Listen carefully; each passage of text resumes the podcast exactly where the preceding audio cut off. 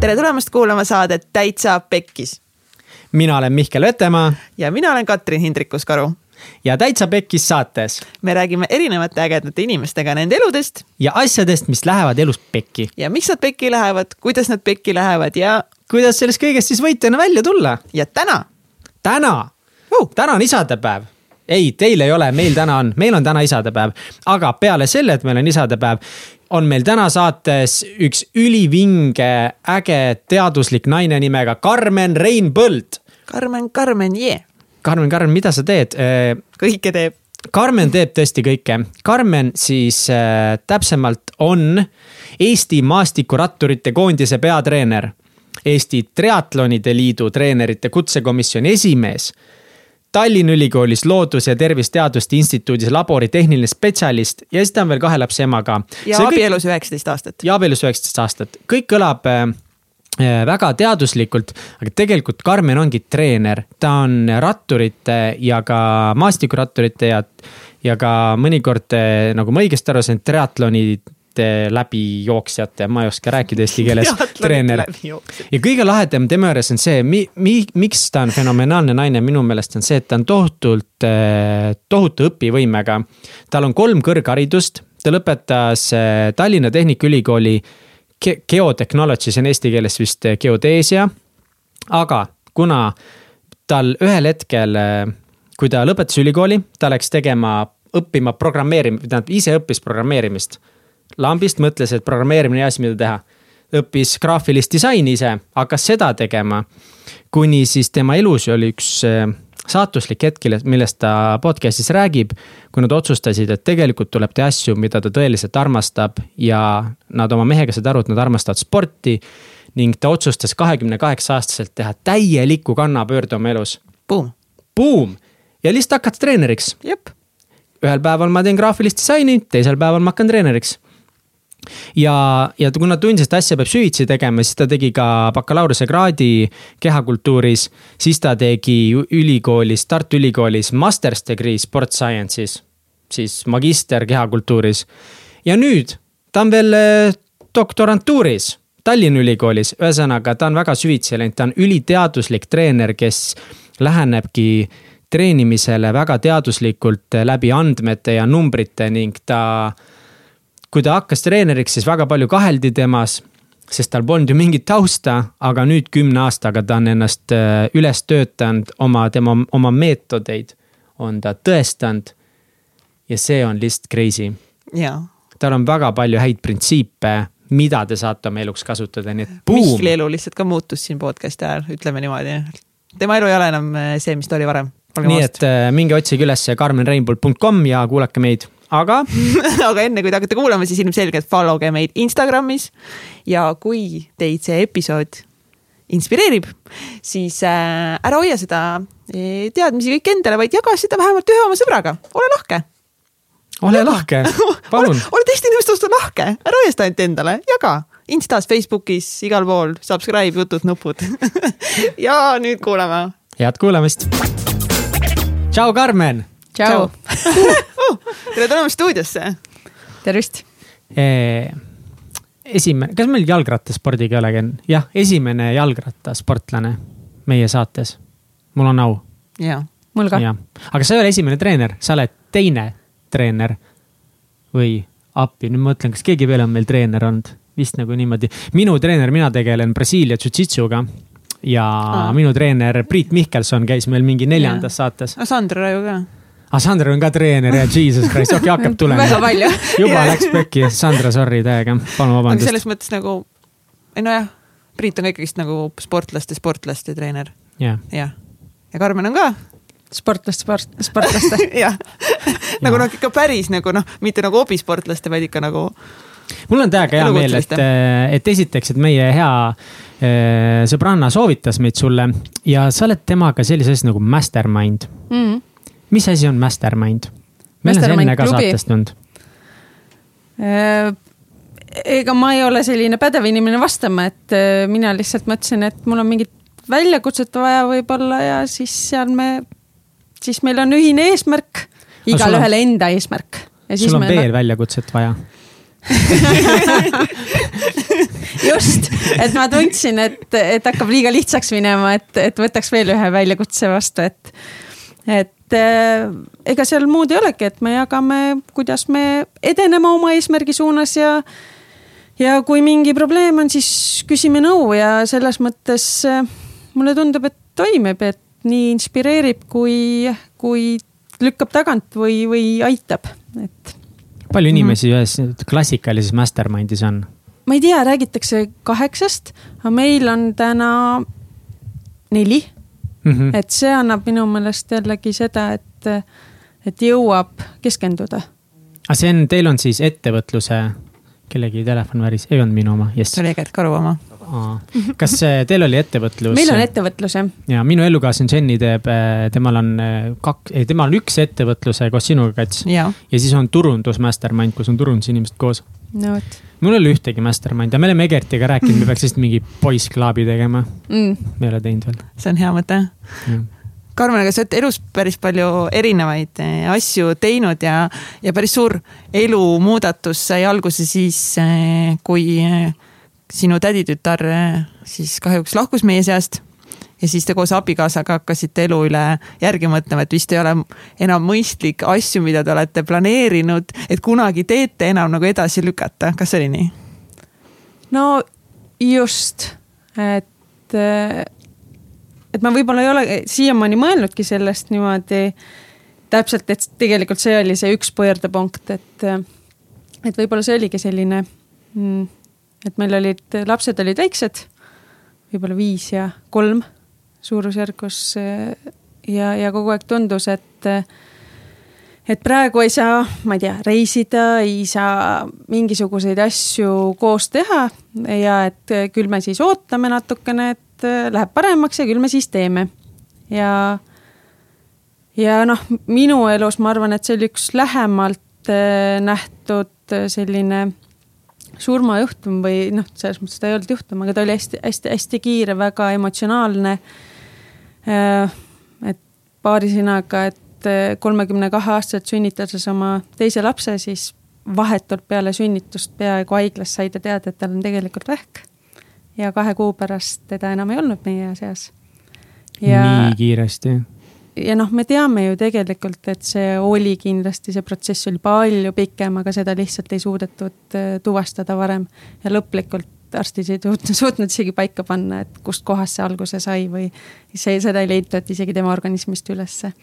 et see kindlasti andis sellise tõuke, et äh, et piisavalt noorena sa mõtled, et oh, mul on aega küll, et küll ma teen, küll ma jõuan, aga siis sa vaatad, et äh, täitsa lõpp, et, et mõnikord ei jõuagi et, et tegelikult eh, ma arvan, et see, see andis selle tõuke, mille najal ma olen siiamaani elanud, et, et kas sa teed kohe kui sa ütled midagi, et sul on sõna, lauses on KS lõpuga sõna, siis sa kas mõtled, et kas sa teed ikkagi selle kohe ära või siis sa ei räägi sellest enam, et olekseid ja polekseid ei ole. teed või ei tee. lihtsalt sa võid paika panna, et ma teen selle aasta pärast ja see on ka otsus aga ühtegi kunagi tulevikus sellist asja, ma arvan, et mu elus ei ole väga palju. mis need esimesed muudatused olid, mis te, mis sa oma elus tegid või, või mis muutus siis, et kui sa said aru, et tegelikult elu on kuradi lühike ja, ja ei ole nagu mõtet mingit tulevikku oodata? jah, ega meil oligi selline väga konkreetne üks teema, mis meil oli, et noh, tahaks äh, reisida või õigemini mitte nii väga isegi reisida, aga matkata, teha midagi huvitavat. Ja siis me otsustasime, et eh, me teeme seda eraldi. et eh, mina otsustasin, see oli jaanuarikuu ja mina otsustasin, et ma lähen aprillis lähen eh, Koola poolsaarele, lähen suusamatkale nii, vabandust, aga kus kohas on Koola? Koola poolsaar on Venemaal ja, ja täiesti otse ülesse, nii et me sõitsime Leningradi ja sealt rongiga kakskümmend neli tundi ja siis sa jõuad oh, wow. Äh, Kirov, ma ei ole kindel, ma üldse koha niimoodi ei jää mulle meelde. Äh, kuskile sellisesse, selline tunne oli, et sa sõitsidki kakskümmend aastat tagasi. ja et see, see, milline see linn välja nägi või mis seal, mis seal toimus. ja siis me tegime oma suusamatka. minu mees otsustas, et tema ronib siis Mont Blanc'i otsa aga need mõlemad asjad sundisid meid eh, selleks, et me pidime hakkama ennast füüsiliselt uuesti liigutama. me olime olnud noored, me olime tegelenud eh, kooli ajal selles mõttes eh, kumbki ei olnud väga trennis käinud, aga, aga me tegime omajagu sporti, käisime võistlemas, noh, nii nagu need normaalsed inimesed või sportlikud inimesed tegid, et see kehalise kasvatuse õpetajale kuhugi oli vaja minna, et, et noh sina lähed, on ju, et, et ja siis ma arvasin, et ma olen nagu spordis kõva siiamaani, et ma ei olnud kaheksa aastat, mul olid lapsed sündinud, on ju. ma polnud kaheksa aastat äh, põhimõtteliselt ennast füüsiliselt liigutanudki. Ja kui ma seda tegema hakkasin, mõtlesin, ma suren ära et see oli, see oli päris karm. aga tegelikult need asjad viisid meid sinna spordi juurde ja, ja noh, täna ma olen treener, nii et tähendab, viisid ikka päris nagu karmilt täitsa lõpp, see pani põhimõtteliselt nagu su uuele elule alguse mõnes mõttes. jah, et, et, et see, noh, mida me oleme õppinud võib-olla elus ongi see, et ükstapuha, kui, kui keeruline situatsioon sul on ees olnud või, või kui raske sul on, siis, siis vaata seda, et mis see õpetab ja mis see sulle annab. et tol hetkel ma kindlasti ei vaadanud seda niimoodi. et see oli lihtsalt selline, et et, et mis mõttes saab niimoodi olla, et, et elu ongi lühike. miks just sellised eesmärgid, et ma mõtlen, et kui nüüd noh, et nagu miks mitte siis minna kuskile Bora Borale või vaadata mingit ilusat rand või mingi teha see unistuste puhkus koos mehega kuskil palmi all romantiliselt. miks Venemaale suusatama minna? ma, ma siiamaani, ma ütlen ausalt, et mulle ei meeldi üldse reisimine ma reisin täna päris palju aga mulle siiamaani väga palju ei meeldi ähm,. mind nagu ei tõmba sinna või ma olen lapsest saadik hästi palju lugenud ja, ja ma olen oma, ma arvan, et ma olen oma kujutlusmaailmas elanud need kõik asjad läbi ja siis ma vaatan, et mul on nagu selline tunne, et ma olen igal pool olnud. et, et mul ei ole sellist äh, vajadust, et, et kui ma midagi teen, siis ma lähen eesmärgipäraselt, et täna ma ju ka reisin äh, oma tööga seoses eelkõige või oma õpingutega seoses, et, et mulle niisama jalgu kõlgutama minna, seda, seda mulle ei meeldi. siis mm., siis ma lähen kuskile Eesti väiksesse nurka ja loen raamatut ja see on siis minu reisimine.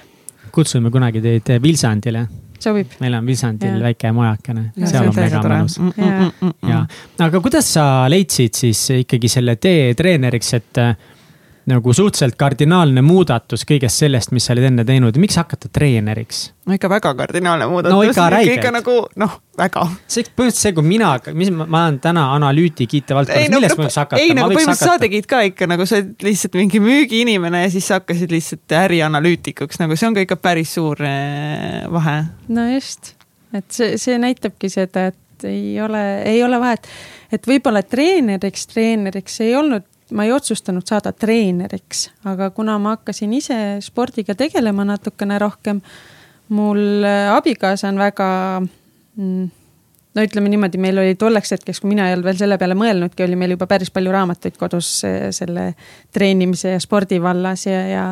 ja tema sai, mulle tundub, et oma eduelamused saigi rattaspordist. Ehm, ja, ja, ja niimoodi ma hakkasin ka natukene seal kõrval ennast liigutama ja siis ma mõtlesin, et ei, ei, et mismoodi need asjad seal siis käivad ja siis ma hakkasin vaikselt lugema, uurima. ja, ja ma arvan, et noh, see oligi see, et, et mind ennast huvitas ja, ja ma ise hakkasin uurima ja noh.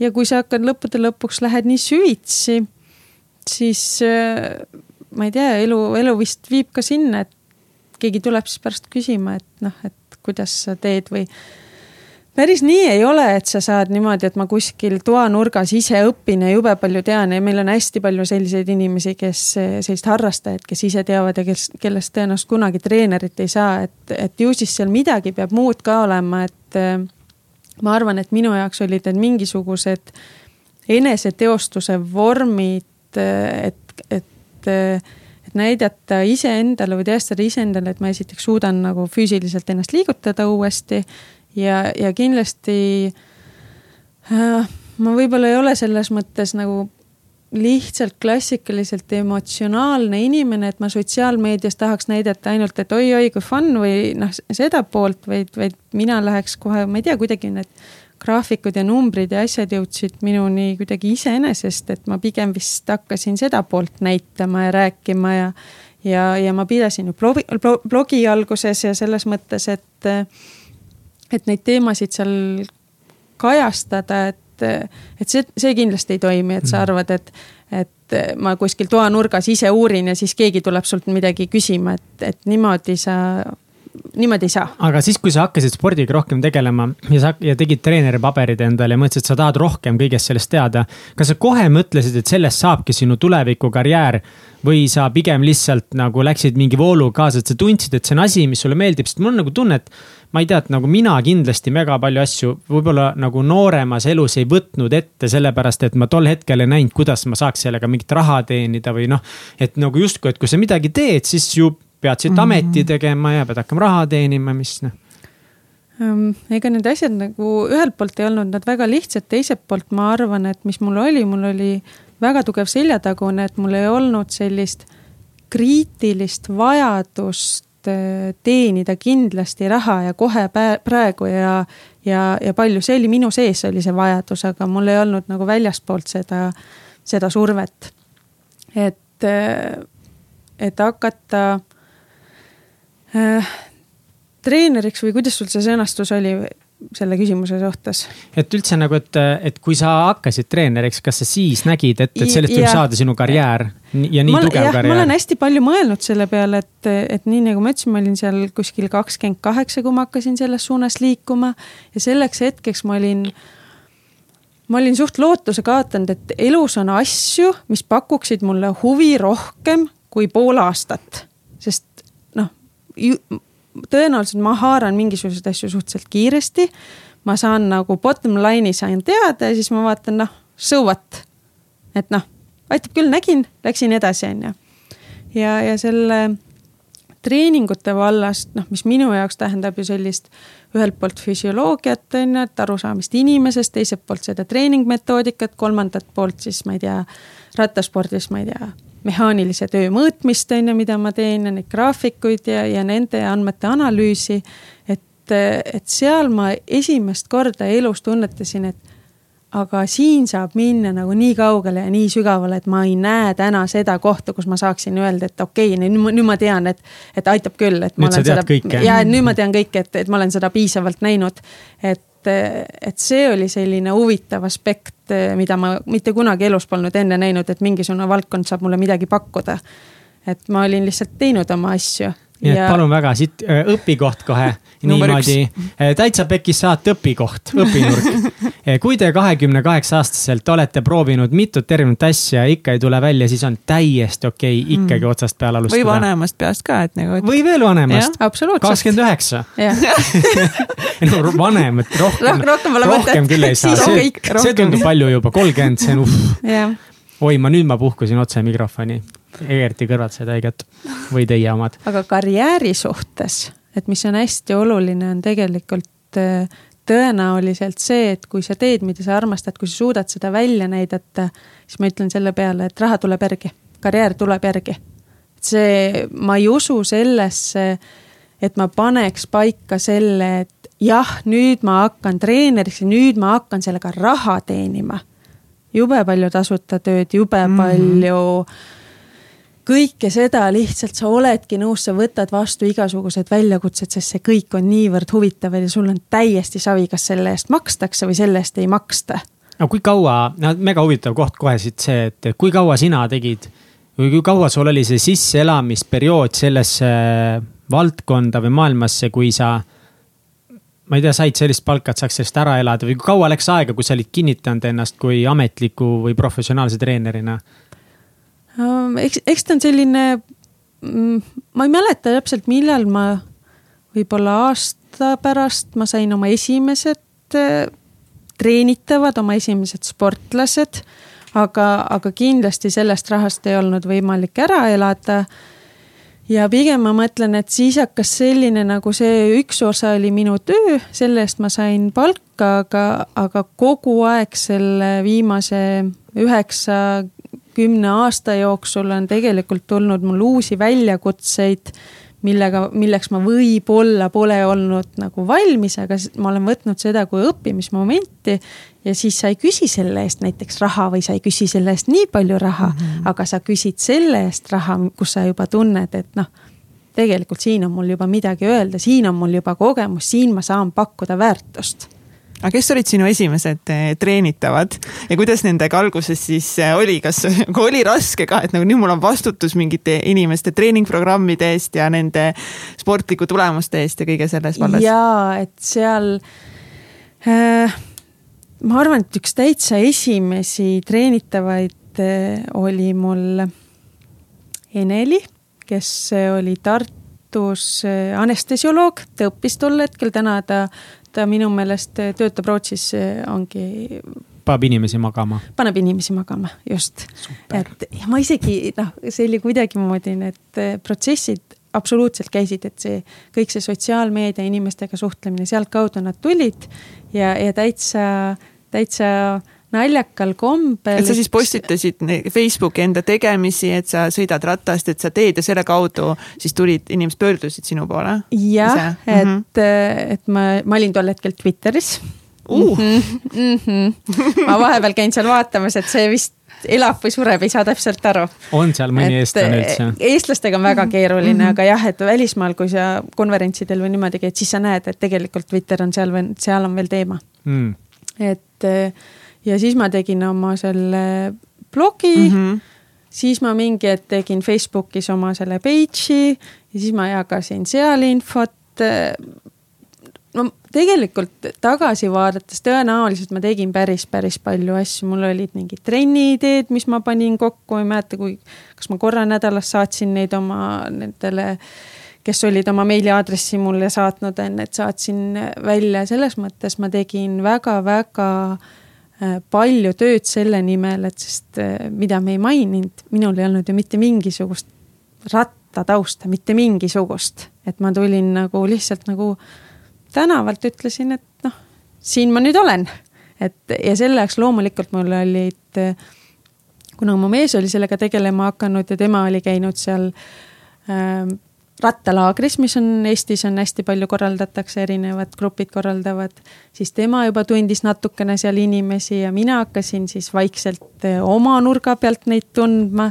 ja, ja siis olid tõesti sellised, eh, sellised mõned, eh, mõned kontaktid absoluutselt lõid selle võimaluse, et päris nii ei ole, et sa, ma ei usu sellesse, et sa saad minna ja eriti mina noore naisena, noh, ja ma nägin siis veel noorem välja, kui ma täna näen, on ju. sa näed väga noor välja. tean jah, et, et tulla, tulla valdkonda, millel on hästi-hästi pikad traditsioonid, kus, kus domineerivad mehed missuguseid väljakutseid see endaga kaasa tõi, see, et sa noore naisena alustasid siis äh, valdkonnas, mis on domineeritud meeste poolt läbi sajandite või? läbi sajandite, just, just oh.. et äh, ma arvan, et, et üksi ei ole võimalik sinna minna. sa ei saa minna ja öelda teisele inimesele, et, et noh, kas kuula mind või usu mind selles mõttes, et mida ma räägin, et see ei saa tulla, see ei saa tulla sinu suust. see peab tulema läbi sinu tegevuste. et kas sa noh, jagadki infot, pakud inimestele väärtust, aga see on pigem harrastajate pool, aga need, kes on siis professionaalid et eh, nende jaoks peab see kuidagimoodi tulema kas teiste autoriteetide poolt, kas sa oled kellegiga saanud niimoodi tuttavaks või sõbraks, kes julgeb sinu eest tege-, tegelikult välja astuda. sest eh, Eestis nii, nii kiidetakse kui laidetakse selja taga. et mm, -hmm. et, nagu et näo ees ei tule keegi mm, -hmm. päriselt, minul ei ole mitte keegi. ma arvan, et ei ole tulnud mulle otse midagi halvasti öelnud aga mis selja taga toimub või mis on toimunud? ma olen kuulnud tükikesi ja, ja noh, see on minu meelest täiesti ootuspärane, et, et, et kaheldakse. ma ise absoluutselt kahtleks samamoodi, et siin ei ole ühtegi küsimust, et, et keegi ei taha sinule halba, sellesse ma ei usu. aga. aga, jah, vot see, see ongi minu on probleem. alati on see keegi, need, need helesinised prillid on ohtlikud, keegi ikka kuskil on, kes tahab halba, kas sulle, kellegi teisele? jaa, et, et kui sa lähed ja, ja kellelegi varba peale astud, sa ei tee seda meelega, aga nad tunnevad, et sa tahad nende varvaste pealt alluda või sa tahad trügida sinna nende mängumaale, kus mõnikord ei olegi väga palju ruumi. aga mida see... sinu selja taga sinust räägitud on või mis, mida nad öeldakse või mida öeldi? ma arvan, et põhiline on ikkagi see, et, et see noh, mis ongi täiesti uskumatu, et sa tuled nulltaustaga. et kuidas sa saad üldse öelda, et sa midagi tead, kui sa ei ole selles maailmas olnud. et, et see on, tundub nagu nii absurd. kuidas mina sellele lähenesin, oli see, et mina õppisin tundma inimese füsioloogiat, mismoodi ta toimib, mis, milliseid eh, treeningmetoodikaid kasutatakse. Ma hakkasin seda praktiseerima iseenda peal, sest see on nagu kõige parem variant, eh, kuidas näha, on ju. aga selles mõttes kõige kehvem, sest üksikindiviid on, kipub olema erand ja, ja kui sa tahad üksikindiviidi, indiviidi pealt nagu laiendada populatsioonile ja öelda, et kõigi kohta käib see. vot see on see auk see on see, kuhu sa ei taha, kuhu sa ei taha jõuda, et see näitab su, su professionaalsust. Kui, kui sa oled kogenud kõiki variante seal selles, selles mm -hmm. töös või, või selles protsessis, et, et sul ei ole jah. aga kas see oli kuidagi nagu raske ka või kas, või sinu jaoks pigem oligi see, et noh, sa oled hästi teaduslik inimene, sa oled hästi süsteemne ja me leidsime sinust üli sellise kihvti ülevaate ka. et kui keegi triatlon.ee lehelt otsib sind, siis leiab üles nagu üli nagu ühe kõige nunnuma kokkuvõtte kõigest, siin on isiklikku, mis sulle meeldib. By the way, sulle meeldib Saku Grupp, kas see on Saku õllegrupp või? Saku õlle ja et, et kuna ma alkoholi ei tarbi, siis, siis muidugi. siis on muidugi, sest siin ei meeldi, on alkohol, aga meeldib. Saku Grupp, ma olen Saku väga segaduses et ma, ma ju treenisin neid täiskasvanuid, andsin nendele ujumistrenni Saku omadele või? Saku omadele. aa, no sellepärast Saku Grupp. Saku Grupp. okei, okei, ei ole Saku õlletehas. ei ole Saku õlletehas. aga tegelikult, kuhu ma tahtsin sellega jõuda, on see, et, et siin hästi palju, või mitte hästi palju, aga siin on peale selle, et on sinust hullult palju detaile välja toodud siis on sinu klubikaaslased ja sõbrannad, võistluskaaslased on kirjutanud sinu kohta ka siin iseloomustusi. ja nad kõik ütlevad äh, ühte asja, et sa oled väga süsteemne mm. ja sinuga eelnevalt rääkides nagu ma, sinu, keegi tõi välja ka, et sul on nagu sihuke teaduslik lähenemine. kas sa inimeste sellisele vastupanule või selja tagant rääkimisel lähenesid ka hästi teaduslikult või see sind kuidagi, tegi see sulle haiget ka või oli see mingi asi, millega sa pidid õppima, et inimesed kuidagi selja taga sinust midagi räägivad või see oli hästi lihtne sinu jaoks? ei, see kindlasti ei olnud minu jaoks lihtne, et äh, sa oled ju tohutult ebakindel, kui sa tuled niimoodi mingisse maailmasse, et see ei ole võimalik, et see oleks lihtne. et, äh, et tõenäoliselt äh, ja ma hästi palju alguses äh, ma ei tea, ketrasin ja käisin seda läbi iseenda jaoks, kui ma kuulsin jälle midagi, on ju, või et keegi ei olnud rahul, rahul millegagi. et kuhu ma olen nagu tänaseks jõudnud, on, on kaks asja või noh, see, kuidas ma, kuidas ma edasi läksin, oli see, et, et mina ajan oma asja. mina püüan olla parim selles, mida ma teen, kuidas ma teen, kuidas ma oskan seda teha ja, ja, ja see ei ole kuidagi seotud teiste inimestega, see, kuidas nemad arvavad, et mina püüan anda parimat. aga teine asi, mis on hästi tähtis ja, ja kuhu alguses on, on lihtne kinni jääda, ongi see, et, et kui sa tahad olla parim, siis, siis sa ei saa olla või sa ei saa meeldida kõigile, mitte kunagi. Mm.. sellepärast, et sa tekitad emotsioone. Ja emotsioonid tavaliselt ühte või teistpidi. Või mm, või neid ei ole. ja, ja, ja mina näen, et, et ma keskendun sellele, et kui ma saan ja ma saan väga palju positiivset tagasisidet ka. ja ma keskendun sellele, et, et ma ise tunnen, et ma loon seda väärtust ja ma olen vajalik nendele inimestele ja, ja, ja teistpidi kui ma näen neid kohti, kus ma saan negatiivset tagasisidet, siis ma analüüsin selle iseenda jaoks läbi. kas see on midagi sellist, mis sõltub minust või see on midagi sellist, mis ei ole üldse minuga seotud ja, ja see on selle inimese nägemus minust või minu tööst. ja, ja ma püüan mitte kõik, mis käib minu töö kohta, sellest ma püüan mitte võtta seda, et see käiks kuidagi minu kohta, minu kui isiku kohta. et mm -hmm. mina tean, et et, et mina tahan, mina tahan olla hea inimene. ja ma ei ole seda alati, kindlasti mitte ei ole kõigi jaoks seda, sest inimesed võtavadki väga erinevalt.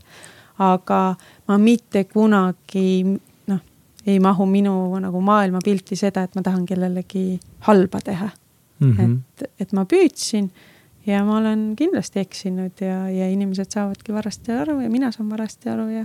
Haters gonna hate. oota, aga millised olid siis esimesed ikkagist need treeneri kogemused, kui sa said endale nagu päris esimesed inimesed, kelle peale siis hakata harjutama? ma isegi ei mäleta, kas ma jagasin veel tol ajal tõenäoliselt mingi oli Google Docs juba või oli Exceli tabel, ma väga kiiresti läksin muidugi süsteemse, noh, mingisuguste veebipõhiste süsteemide peale, et äh, Äh, mis võib-olla minu puhul ongi see, et kui te küsite mingisugust ajaloolist asja, et äh, struktuurne, mul pole õrna ideedki, mis aastal mingi asi mm -hmm. juhtus, on ju, millal minu elus, mis järjekorras mingisugused asjad, et. et ma olen alati mõelnud, mu lapsed ütlevad, et emme käest ei tasu küsida, see niikuinii ei mäleta mitte ühtegi asja. ja ma olen mõelnud, et miks see niimoodi on, sest ma ei mäleta ka oma lapsepõlvest väga palju asju. et, et siis ma nagu lohutan ennast sellega, et Sherlock Holmes on ka alati öelnud, et, et ajus tuleb ruumi jätta ainult sellele asjale, et millest sul on nagu kasu. et kõik teised mm -hmm. asjad, move on et, et oli tore ja tõenäoliselt mingi emotsioon jääb meelde, on ju, aga ma väga palju ei mäleta süsteemselt, mäletan ainult tükikesi, et. kas läks nagu valesti ka nende sinu programmis midagi või tegid sa noh, keerasid sa midagi ikka pekki ka alguses või vähemalt midagi, mis sa mäletaksid, et oli, oli nagu raske alguses äh, inimestega tegeleda? inimestega suhtlemine on alati raske, vähemalt minu jaoks. Äh, kas ma tegin midagi valesti, ma kindlasti tegin midagi valesti ja, ja sellised võib-olla suuremad õppimised on minu jaoks alati olnud seda, et kui ma keset suve saan aru, et, et okei okay,, et võib-olla see suure pildi lähenemine niimoodi järgmine hooaeg, mitte et keegi oleks nagu, ma olen ka sportlasi, kes noh, kas ei reageeri või, või, või saavad nagu liiga palju koormust, see ei ole just noh, seda kvantifitseerida ükstapuha, kui palju mul on andmeid, on väga keeruline. et selles mõttes, et, et ma ütleks, et nüüd midagi ei lähe pekki, see ei ole võimalik ja, ja teistpidi ma ütlen jälle selle peale, et kui midagi ei lähe pekki, siis sa teed midagi väga valesti väga valesti, sest sa ei näe seda kohta, et sa, et sinu tegevusel on mõju mm. -hmm. et mida me spordis teeme, eriti mida me tippsportlastega teeme, me kogu aeg kompame piiri. aga et aru saada, et see oli piir, pead sa piirist üle minema mm.. vastasel juhul sa ei tea, et seal piir oli. vastasel juhul sa võid mõelda, et mul on veel ruumi kuhugi liikuda kui mul ei ole ja seda piiri me kompame pigem hooaja alguses, kus meil on aega eksida.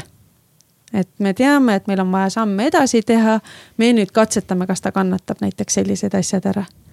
kui me oleme võistlushooaja lähedal, siis me lähme palju rohkem kindlama peale. ütleme, et me seda, ma ei tea, viimast lõiku ei tee et see, see ei anna meile enam seda, kui see, kuhu me võime kukkuda mulle tuli kohe mingisugune pilt ette lihtsalt, kuidas sul on mingisugune vaene tüdruk teeb oma mingi kuuekümne üheksandat seda mingit metsaringi ja, ja see hooaja alguses saad mingi.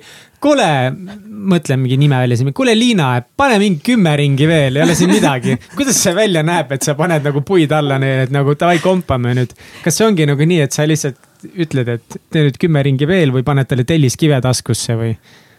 kusjuures eh, tuletame meelde, et mina näen oma sportlasi väga vähe, ma peaaegu ei näegi, et mina. mis on jumala ju, veider. mis on jumala veider, nagu täiega. sa oled treener äh,, treener, kes ei näe oma sportlasi. just, just ja selle peale ollakse, vot see on üks koht, kus öeldakse, et that's not okei okay ja, ja. sa lõhud kõiki stereotüüpe. ja, aga mina ütlen jälle selle peale, et, et sa pead teadma, kes sa oled. mina tean seda, et kui mina näen oma sportlast liiga lähedalt, kui mina olen näiteks temaga koos trennis. ma kaotan ära igasuguse arusaama, mida tema tunneb, kus need asjad on, ma, ma ei mõista inimest, kui ma talle otsa vaatan, ma ei saa tast aru ja see on üks minu suhtlemise probleeme tõenäoliselt, sellepärast mul ongi inimestega raske suhelda. aga kui ma näen, millist tööd ta on teinud, rattas on tõesti see, et me saame nagu mõõta mehaanilist tööd, mida ta teeb ja ma näen ka ma näen näiteks pulssi on ju, mis on nagu teistsugune süsteem, mis seda süsteemi mõjutab, on ju. ja ta annab oma sellise subjektiivse tagasiside ka sinna, siis see kõik kokku ja ma tean, mida ta on teinud, loob minu peas pildi, et mis seisus ta ole, on. mis andmeid sa veel vaatad, see on võib-olla hea koht korra puudutage seda, et mm, -hmm. et sa nagu ma nagu, mina olen aru saanud, et, et sa oled pigem nagu vähe inimesi Eestis täna treenib niimoodi tre, äh, rattureid nagu sina äh, ma ei oska selles mõttes öelda, me pigem räägime siis treeneritest, kes juhivad siis protsessi nagu põhimõtteliselt numbrite järgi et, et seda tõenäoliselt on suhteliselt vähe. Ratas on selles mõttes nagu erand ka, et seal on võimalik seda niivõrd ähm, äh, noh, ühelt poolt lihtsalt ja, ja see on nagu niivõrd täpselt seda sooritusvõimet kajastav, on ju, et selles mõttes äh, ujumises või isegi jooksus on see palju keerulisem.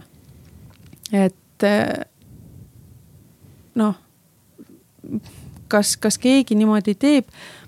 ega ma väga täpselt ei tea.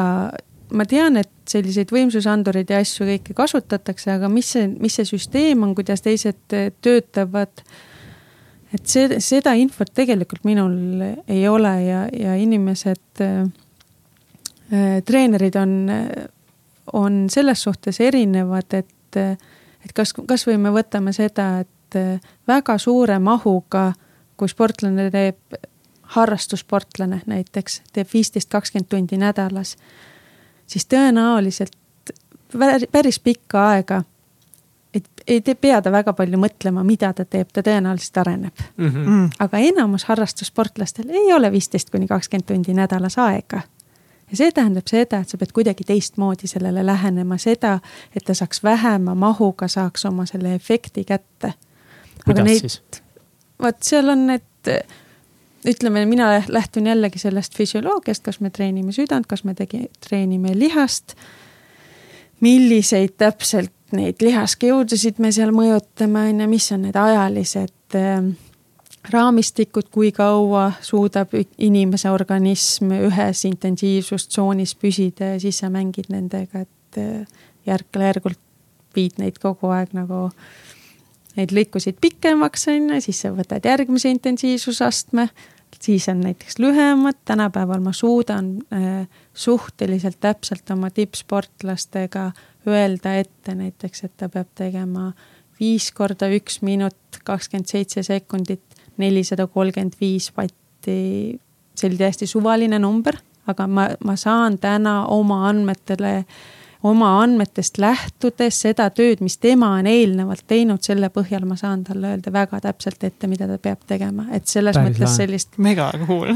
sellist äh, üldistust, enamus harrastajatel üldistus on good enough, päriselt ka et kui ta selle ära teeb, siis ta tõenäoliselt areneb. ei no enamus inimest üldse mine jaluta veidi, saab paks magu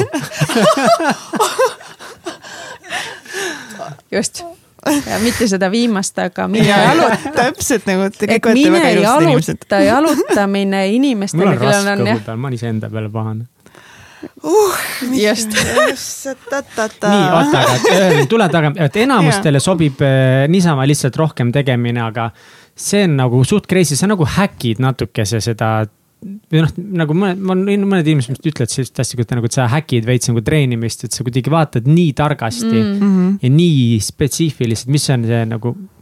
kuidas saada maksimum kätte täpselt õigete liigutustega, täpselt, et ei ole liiga palju ja liiga vähe, et. ja see, selles mõttes ma olen jällegi ütlen, et tänu nendele andmetele ma saan oma sportlased suhteliselt varakult kätte sellest seisust, kus nad hakkavad üle minema. Et ma näen päris varakult, et kui sa vanasti pidid eh, lootma sellele, et sportlane ise tajub ennast väga hästi. mõni tajus väga hästi ja teine ei tajunud üldse ja kogu aeg kukkus sinna valele poole joont. siis täna on minul, noh, ma tean neid punaseid jooni. ma lasen sportlasel mõnikord katsetada. ma ei, ma ei ole nagu väga strict, okei okay,, kui sa arvad, et sa suudad, proovi, on ju. aga on teatud asjad, kus ma ütlen, et eh, tead, kõik. järgmine päev teed sa täpselt sellist asja ja mitte rohkem, mitte ühtegi asja, see tähendab tavaliselt taastumist. sportlased suudavad pingutada väga palju, taastumises on nad väga kehvad mm.. sest nad tahavad ju nii palju mm. rohkem. unustades tihti ära, et me saame ainult paremaks taastudes. aga ainult siis, kui sa oled piisavalt tööd teinud, millest taastuda. kas see, see, kas see nagu kandub edasi kõikide eluasjadele? kas sa ise elus pöörad suurt rõhku taastumisele? ma tõenäoliselt teen seda, et äh, ma teen seda, ma olen tänasele tähele pannud seda, et ma olen seda intuitiivselt teinud, aga, aga ma olen, mul on nagu kaks režiimi. kas ma nagu panen täiega, teen tööd, teen kõiki asju korraga või siis ma taastun täiega. et, et ma, ma võtan hästi palju aega taastumiseks, hästi palju et ja see on minu meelest üks fundamentaalsemaid äh, asju, et noh, mina ütlen alati selle kohta, et, et kui sa liigud mööda sinusoidi, siis mööda sa oledki mida? sinusoid, on ju, et sa käid nagu, et sul on nagu keskmine, guugelda. praegu guugeldan. et sul on, on ju, keskmine joon ja sa kogu aeg käid sealt üle ja sa käid mm -hmm. sealt alla, üle ja alla, on ju, nagu ta ei ole spiraal, mis ta nüüd on siin ja üles-alla nagu, nagu südamejooned üles-alla käivad Just, niimoodi jah. et, et kui sa, kui sa tahad, ja see on tasakaal, see on tasakaal minu jaoks. aga see tähendabki seda, et sa saad olla üks hetk tipus ja teine hetk taastuda. kui sa oled nagu mööda seda keskmist joont, siis sa oled keskpärane ja tõenäoliselt keskpäraselt väsinud kogu aeg oh,. siin on nii palju sügavust selles sees, mis sa ütlesid, see on see, millega ma ise võitlen nii palju, sest. kogu aeg tahad hullu panna järjest. ja, ja, ja ma ei saa aru nagu tegelikult minu kõige veidram on see, et ma ei tea, võib-olla sa oskad siin nagu mingi teadusliku nurga alt.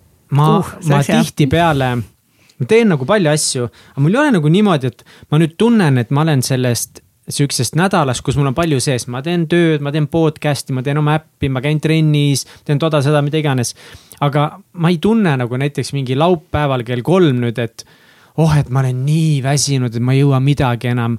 ah et ma ei suuda lihtsalt, on ju, ma olen nii läbi, ma nii palju teinud. tihtipeale ma seda ei tunne.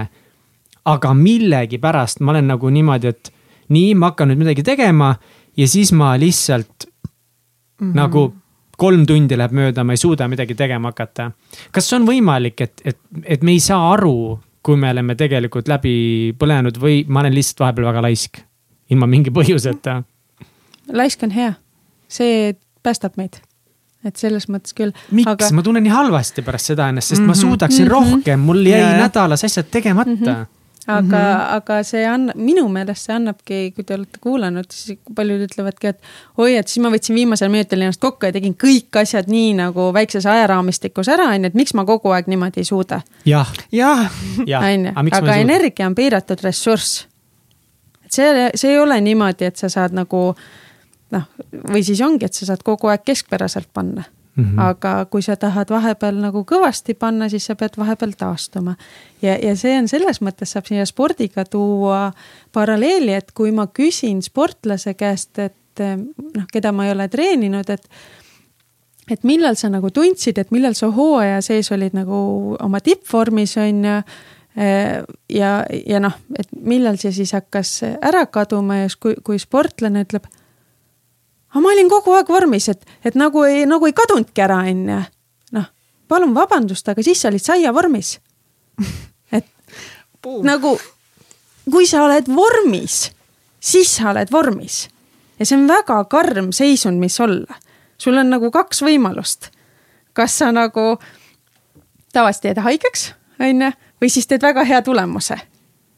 aga selline, et noh, et ma olen nagu poolenisti hea on ju, et ma olen, ma olen piisavalt hea siis, siis sa tegelikult ja sa ei näe seda ärakukkumist, siis sa ei tea, mis on tegelikult väga hea. kas sa tahad mm. seda öelda, et kui näiteks äh, spordis või eraelus ükskõik, kui sa ei tunne seda tunnet mingi hetk, et vau, et ma nüüd tõesti enam ei jõua, siis sa tegelikult ei ole piisavalt pingutanud või? ma ei tahaks niimoodi olla, aga tõenäoliselt, tõenäoliselt mm et aga, aga need hetked, kus sa tunned, et sa enam ei jõua, neid saab olla väga vähe. tippvormis saab olla väga lühikest aega, väga lühikest. see on ülim väljakutse meile treeneritele, kus on ju, meil on ju ka Marik- äh,, maailmakarika etapp on ju, hakkab äh, maikuust pihta ja viimased on siin septembri kandis on ju, et, et teoreetiliselt peaksid sa olema nagu kogu aeg tippvormis, kui me vaatame päriselt sportlasi, siis me näeme, millal nad tegelikult on vormis, millal mitte. kui nad on maailma tipud, siis nende ärakukkumine ei ole väga suur Mm -hmm. aga, aga kui nad on ikkagi oma tippvormis, siis me näeme seda, et kus nad, siis nad lammutavad niimoodi, et noh, väga, väga palju vahet pole, mis seal teised teevad või ei tee. aga mida me tegema peame elus, et see downtime või see ärakukkumine oleks võimalikult väike või võimalikult lühike, et see ei mõjutaks nagu näiteks minu nädalat niimoodi, et ma tunnen, et, et tegelikult oleks saanud veel. et ma nagu ei kahetseks kuidagi liiga palju jah, et see on, kui me toome jälle siin selle spordi paralleeli, on see, et kui sportlane ei saa millegipärast teha trenni, mis iganes ta on nagu täna jõudnud või siis tervis on natukene kehva, siis ma ütlen ainukese asjana. naudi puhkust ja ära peksa iseennast. vastasel juhul ei ole sellest taastumisest mitte mingisugust kasu. siis sa oled ikka seal keskel. et noh, trenni ei saanud teha, aga ei puhanud ka. on ju tee valik, kas sa puhkad või sa teed. ja mida vähem on sul sellist nagu keskpärast aega.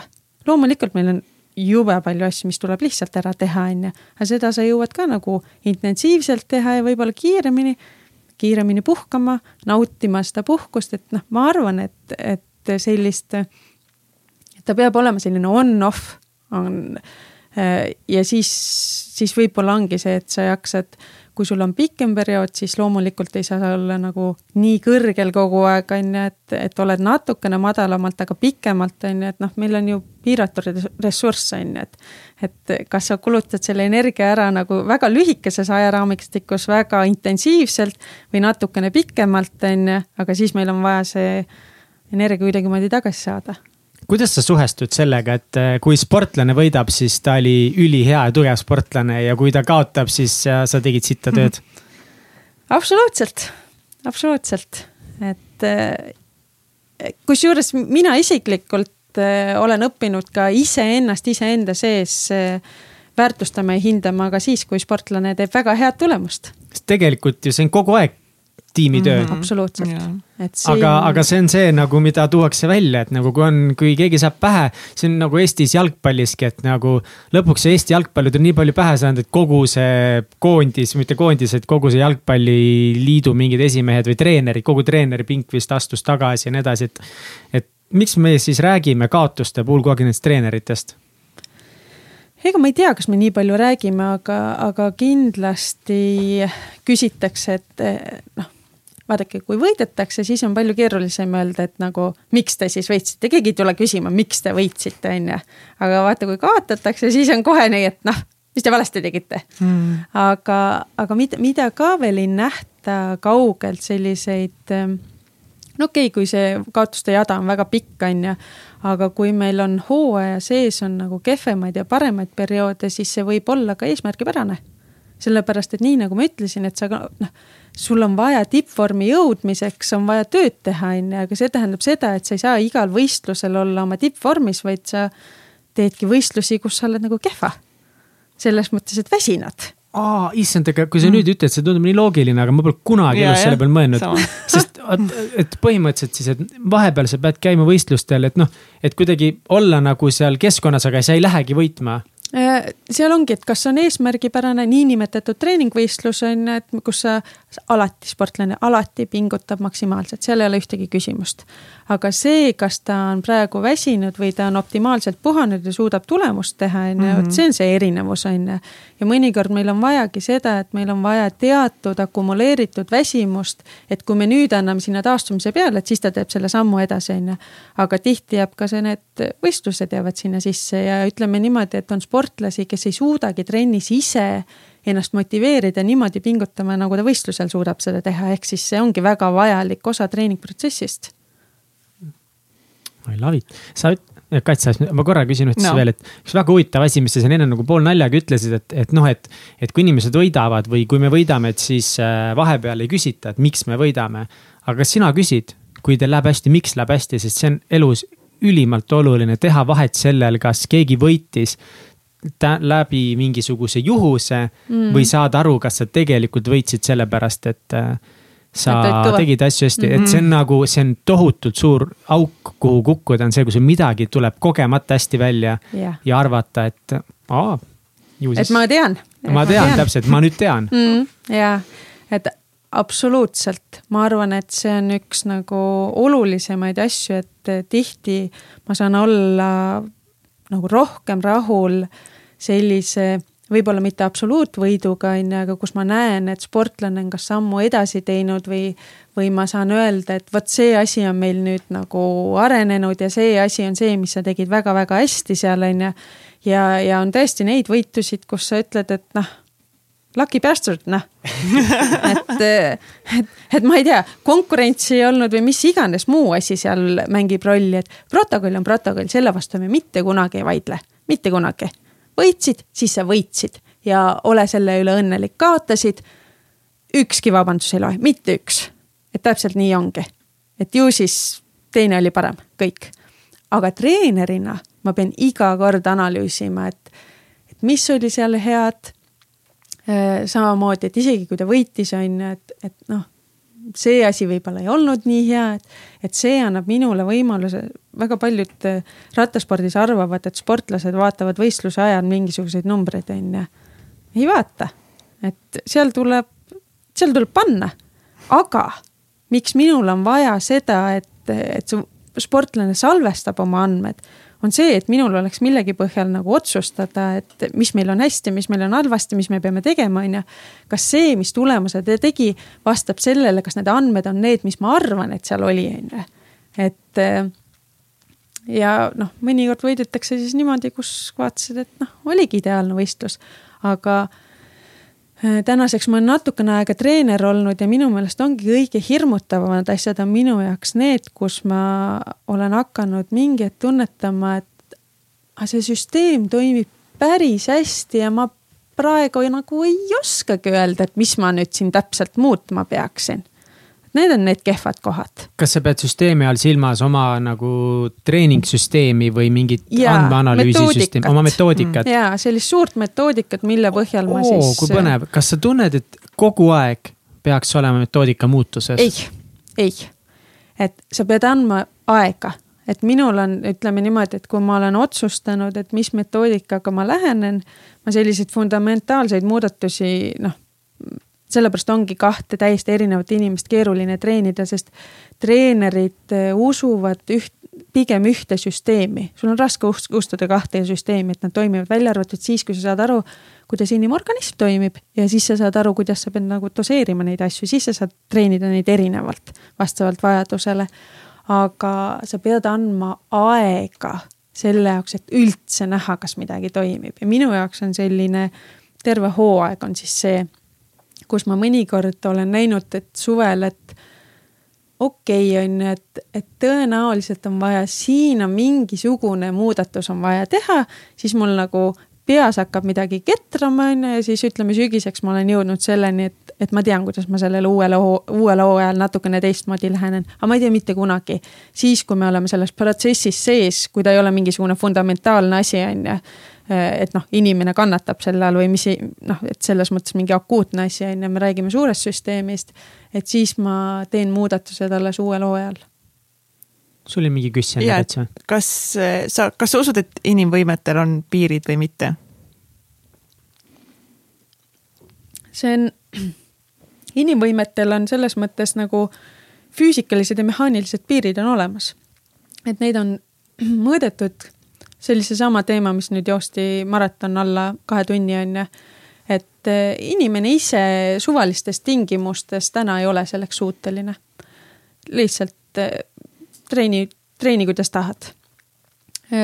võib-olla, võib-olla need asjad natukene muutuvad, aga täna, et joosta nagu alla kahe tunni maratoni, oli seal päris palju aspekte, mis pidid mis pidid toimima ja ütleme niimoodi, et, et ka see konkreetne sportlane pidi sobituma sinna süsteemi. tal ei olnud, ta oli absoluutne tipp või noh, on, on ju.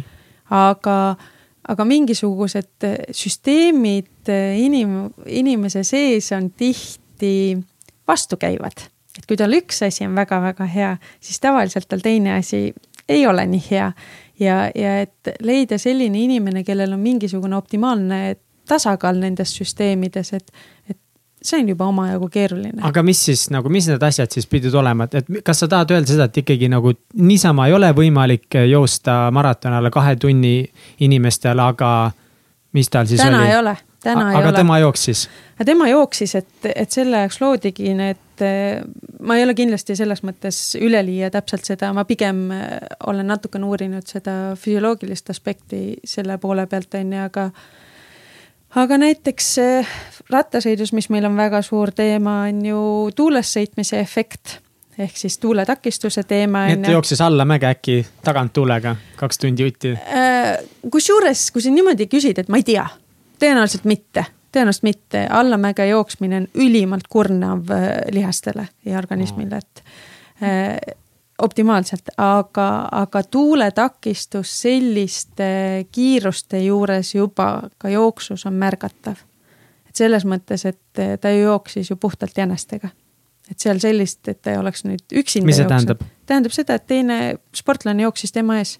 aga mis vahet seal on? seda, et, et.... aga tema ikkagi jooksis, keegi oli ees, aga tema pidi oma lihaseid ja, liigutama. jaa, aga tema pidi vähem energiat kulutama, et edasi liikuda, sest tuuletakistus oli väiksem mm.. et kui jooksus seda nii, nii palju nagu ei pöörata sellele nii suurt tähelepanu, välja arvatud, kui on drastilised mm. tuuletingimused, siis noh, rattas on see absoluutselt, see on üks fundamentaalsemaid teemasid seal, millega võideldakse ja mida proovitakse paremaks ja halvemaks saada, et, et noh, see oli seal, seal neid teemasid oli kas õhurõhu teema, kõrguse teema, kõik need asjad oli, on need, mis mängivad, et kui kiiresti sa sellest õhust nagu reaalselt aga kui palju liigud. siis äh, rattaspordis on võimalik veel areneda ja kas see ongi see, mille pärast inimesed dopingut teevad? sest nad tunnevad, et ei ole võimalik ilma -hmm. dopinguta enam edasi areneda või, või on seal midagi muud? et miks inimesed dopingut teevad? et või, või et kas nad, et sellepärast nad teevad. ma arvan, et dopingu teema on eelkõige me räägime inimese psühholoogiast, eelkõige. sest noh, olgem ausad, ellujäämiseks me ei pea tegema tippsporti, päriselt ka ei pea. ei et, pea tõesti.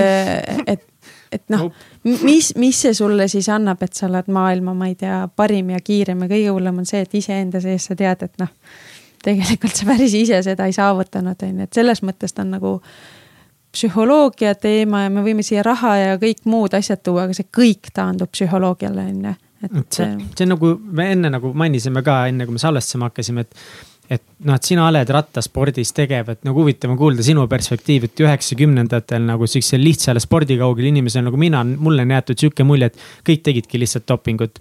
ja siis ma nagu mõtlen, et kui ma oleks seal üks nendest, ma teeks ka ju mm, -hmm. mida ma üldse lähen yeah, võistlema yeah,, kui kõik teevad yeah. dopingut. jah, et see. kas siis üldse on doping enam või? Ehm, noh, doping, miks ta üldse tuli, on ju, et tuli seal kas kolmekümnendatest aastatest, kus siis hakati nagu ametlikumalt selle teemaga tegelema, et, et toodigi sellepärast, et inimesed seadsid oma elu ohtu. Mm.. et see oli nagu ja siiamaani on see üks põhilisi teemasid, et noh, kui me teame, et näiteks kofeiin on, on ju, on, see annab, on ju, meile sooritusvõimele positiivse efekti, kuigi kofeiini on sisse ja välja kogu aeg viidud, on ju, siis täna on ta. ma arvan, et võib-olla seal on mingisugused piirangud, aga suures laastus on ta lubatud, on ju, sellepärast et see sellisel kujul ei, ei kujuta ohtu inimese tervisele. aga enamus dopinguaineid mis on ju, tuleme jälle siia tagasi, et, et eh, nagu ma oma tudengite käest ka küsin, et miks te arvate, miks siis dopinguid niinimetatud toodetakse? aga ei toodeta ju. dopingud eelkõige, mis on siis eh, noh, sellised, mida me mõtleme, et keegi kuskilt verre laseb midagi või, või, või sisse sööb, on ju, on toodetud või välja töötatud haigetele inimestele, et nad saaksid, et nende elukvaliteet oleks normaalne. kõige lihtsamal kujul astmaatikud, on ju. aga inimese vajadus, ahnus, kõik need mm. asjad on need, mis, mis viivad su sinna, kus sa ütled, et ma olen täiesti terve inimene, aga kui talle toimib, kui ma tervena võtan, noh, siis ma saan ju siit mingisuguse boost'i, aga me saame aru, et, et igasugune medikament on mingil kujul ju mürk. Ja, ja kui me täna veel ei teagi täpselt, mida ta siis keegi noh, tervete inimeste peal veel seda kliinilisi teste ju ei tee, on ju. siis me ei tea, millisesse ohtu nad oma elu seavad. et, et, et minul oli ka kunagi illusioon, et mis me siis toodame neist. ei tooda. me tahame, et, et kõigil inimestel oleks võimalikult, võimalikult hästi elada on ju, aga mõni tahab lihtsalt selle pealt siis kasu teenida ja sellepärast on, ei ole varianti, et aga ärme siis noh, võtame need ära või? Mm.. et need on ravimid mida kasutatakse valel mm. otstarbel. see on ikka kuidagi nagu, no ma ei tea sellest teemast väga palju, aga noh, natuke see on nagu narkootikumidega veidi minu meelest, et. et või noh, võib-olla mitte ei kandu hästi üle, aga lihtsalt mingi noh, kuskil tehakse nagu mingi otsus, et kust joonest nüüd on narkootikum või noh, kus on nagu illegaalne mm. narkootikum, kus on lubatud. ja dopinguga natukese mulle tundub, et noh, kõik ju, mis me teeme eriti spordis ongi selle jaoks, me ju sööme täpselt niimoodi, et me mhm. oleksime nagu maksimaalselt võimekad või noh, mina kindlasti nii ei tee, aga tippsportlased. Nad joovad täpselt nii palju, kui lubatud on kofeiini, kõike ja siis doping tundub ka nagu, et noh, see on nagu üks asi sinna juurde, et kui ta, ta ju teebki kõik kõiki asju täpselt samal eesmärgil, mis ta dopingut, ta ei võta dopingut teisel eesmärgil. kui see, et ta sööb täpselt õige koguse porgandit ja siis võtab õige koguse magneesiumitablette. ja siis ta võtab õige koguse mingit kolmandat asja, sest kolmanda asja nimi on doping mm aga nii nagu ma ütlesin, et pigem ju reguleeritakse seda, et ta ei oleks ohtlik inimese tervisele. see on ju see, mida me reguleerime. et loomulikult äh, kõik asjad, süsikvesikud, valgud, rasvad, äh, kõik meie, ma ei tea, vitamiinid ja asjad on selle jaoks, et me oleksime võimalikult head ja, ja nendega ütleme nii, et noh, kui sa süüa liiga, liiga palju tarbid, et noh, see on ju su sooritusvõimele kehva, on ju. aga kas on juhtunud ka nagu noh, näiteks rattamaailmas just, et kas on rattaritega juhtunud midagi selle tagajärjel või see, nad on ohtlikud ainult sellepärast, et meil lihtsalt ei ole seda laiapõhjalist teaduslikku uuringut seal taga. või on reaalselt, ongi kellelgi süda plahvatanud kuskil keset rattateed? Neid eh, surmajuhtumeid on meil päris palju ka tänapäeval on ju, aga mida no. me mitte kunagi ei saa öelda, on ju, on see, et nad oleksid kindlasti tekkinud, on ju, mingi valeaine kasutamisel. sest eh, spordis on niimoodi, et teatud kasvõi kaasasündinud eh, mutatsioonid või asjad, et nad ei, enamus juhtudel nad ei peagi avalduma, et, et see võib olla lihtsalt kehva kokkusattumus. aga eh, noorte surmasid on noh, ma ei saa öelda omajagu, aga neid siiski on, et kui seda teemat hakata uurima ja loomulikult me näeme seda, et mis oli seal kaheksakümnendatel, üheksakümnendatel, kes on siis, ka siis oli surmajuhtumeid, aga kes siis täna on siis juba omajagu eakad, on ju, ja me ei tea si-, noh, loomulikult me ei saa panna näppu peale, et jah, jah, et see on sellepärast äh, nagu tuleb, et ta, ta on midagi võtnud, on ju. aga, aga need uuringud on siis tõenäoliselt midagi näidanud, et see on, on inimesele ohtlik on ju, et kui su veri on liiga paks ja nagu sõna otseses mõttes sellepärast nagu ära sureda, on ju, et noh, siis see on ohtlik on ju ja, ja, ja, ja ma ei tea, ma arvan, et keegi ei taha võtta seda enda peale öelda, et ah, laseme vabaks või noh, et vaatame ja. siis, kui paljud ellu jäävad et.... ei, kui nooredki sured, siis on juba kehva ja selge, ei no siis, siis, siis kurat ei tohi lubada ikka. väga halb ei no inimesed lähevad lihtsalt hulluks. kui palju sinu arust siis, et nagu täiesti tavaline inimene, kui palju ta peaks liikuma või sporti tegema või kuidas ta nagu peaks toituma, kui sina vaatad enda treeneri pilgu ja teadusliku lähenemisega? ei, siin ma ei tahaks küll ühtegi, ühtegi sõna öelda, et, et ühelt poolt on see hästi individuaalne, aga teiselt poolt me saame ju aru, et inimese keha ja organism vajavad pidevalt liikumist, absoluutselt on ju.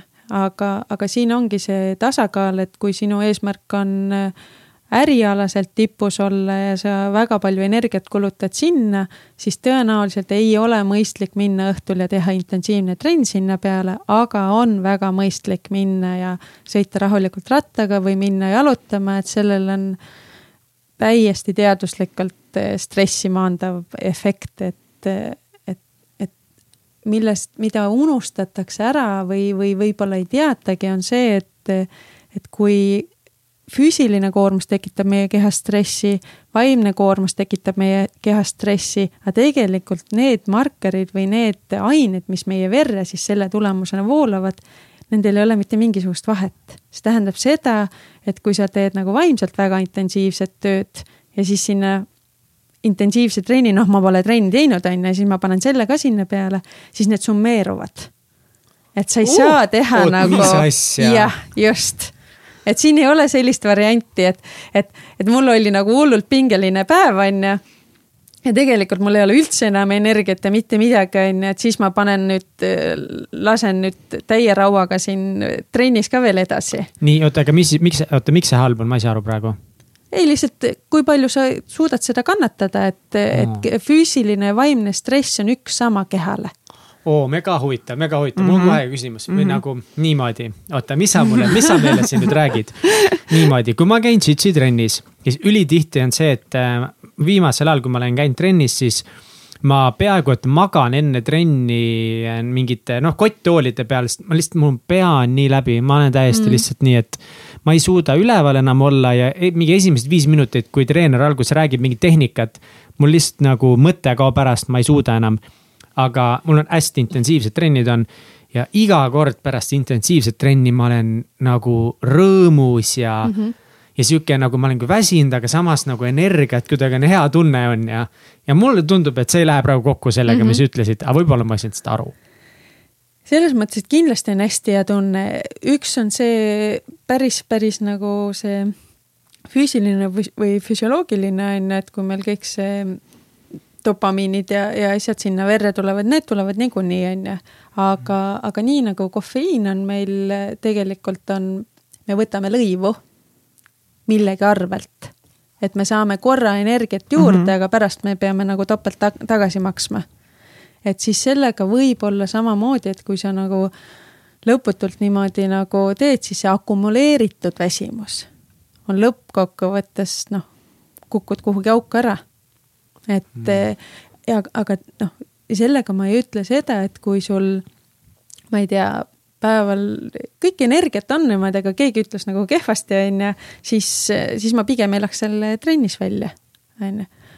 aga teistpidi, kui sul ei ole energiat, sa oled väsinud, siis tõenäoliselt selline kerge jalutuskäik taastab sind nagu palju paremini ja, ja ma arvan, et sa tunned suhteliselt noh, sarnaselt, et juba vaimse poole pealt, et oi, et ma tegin ikkagi midagi ära, et mis siis, et ma väsinud olin mm. -hmm. aga noh, et seda tasakaalu, see on, see on täpselt seesama tasakaalu teema et.... aga kas pigem soovitaksid teha siis hommikuti trenni? Ei, see on hästi-hästi-hästi individuaalne, et hästi individuaalne. et, et kellele sobib tõmbab teda näiteks käima, teine ei saa hommikul üldse üles, on ju, et, et noh kui see tekitab temas veel suuremat stressi, nüüd ma pean veel varem ärkama ja siis midagi, midagi tegema ka veel on ju, et, et, et see on täpselt see, kuidas, kuidas inimese päevaplaan ja, ja inimese tahe on, et, tegelikult ju sport, tervisesport, mida meil tehakse väga-väga-väga-väga vähe, et meil üldse liigutab ennast mingisugune võib-olla kolmkümmend protsenti inimestest. et see on päris karm number.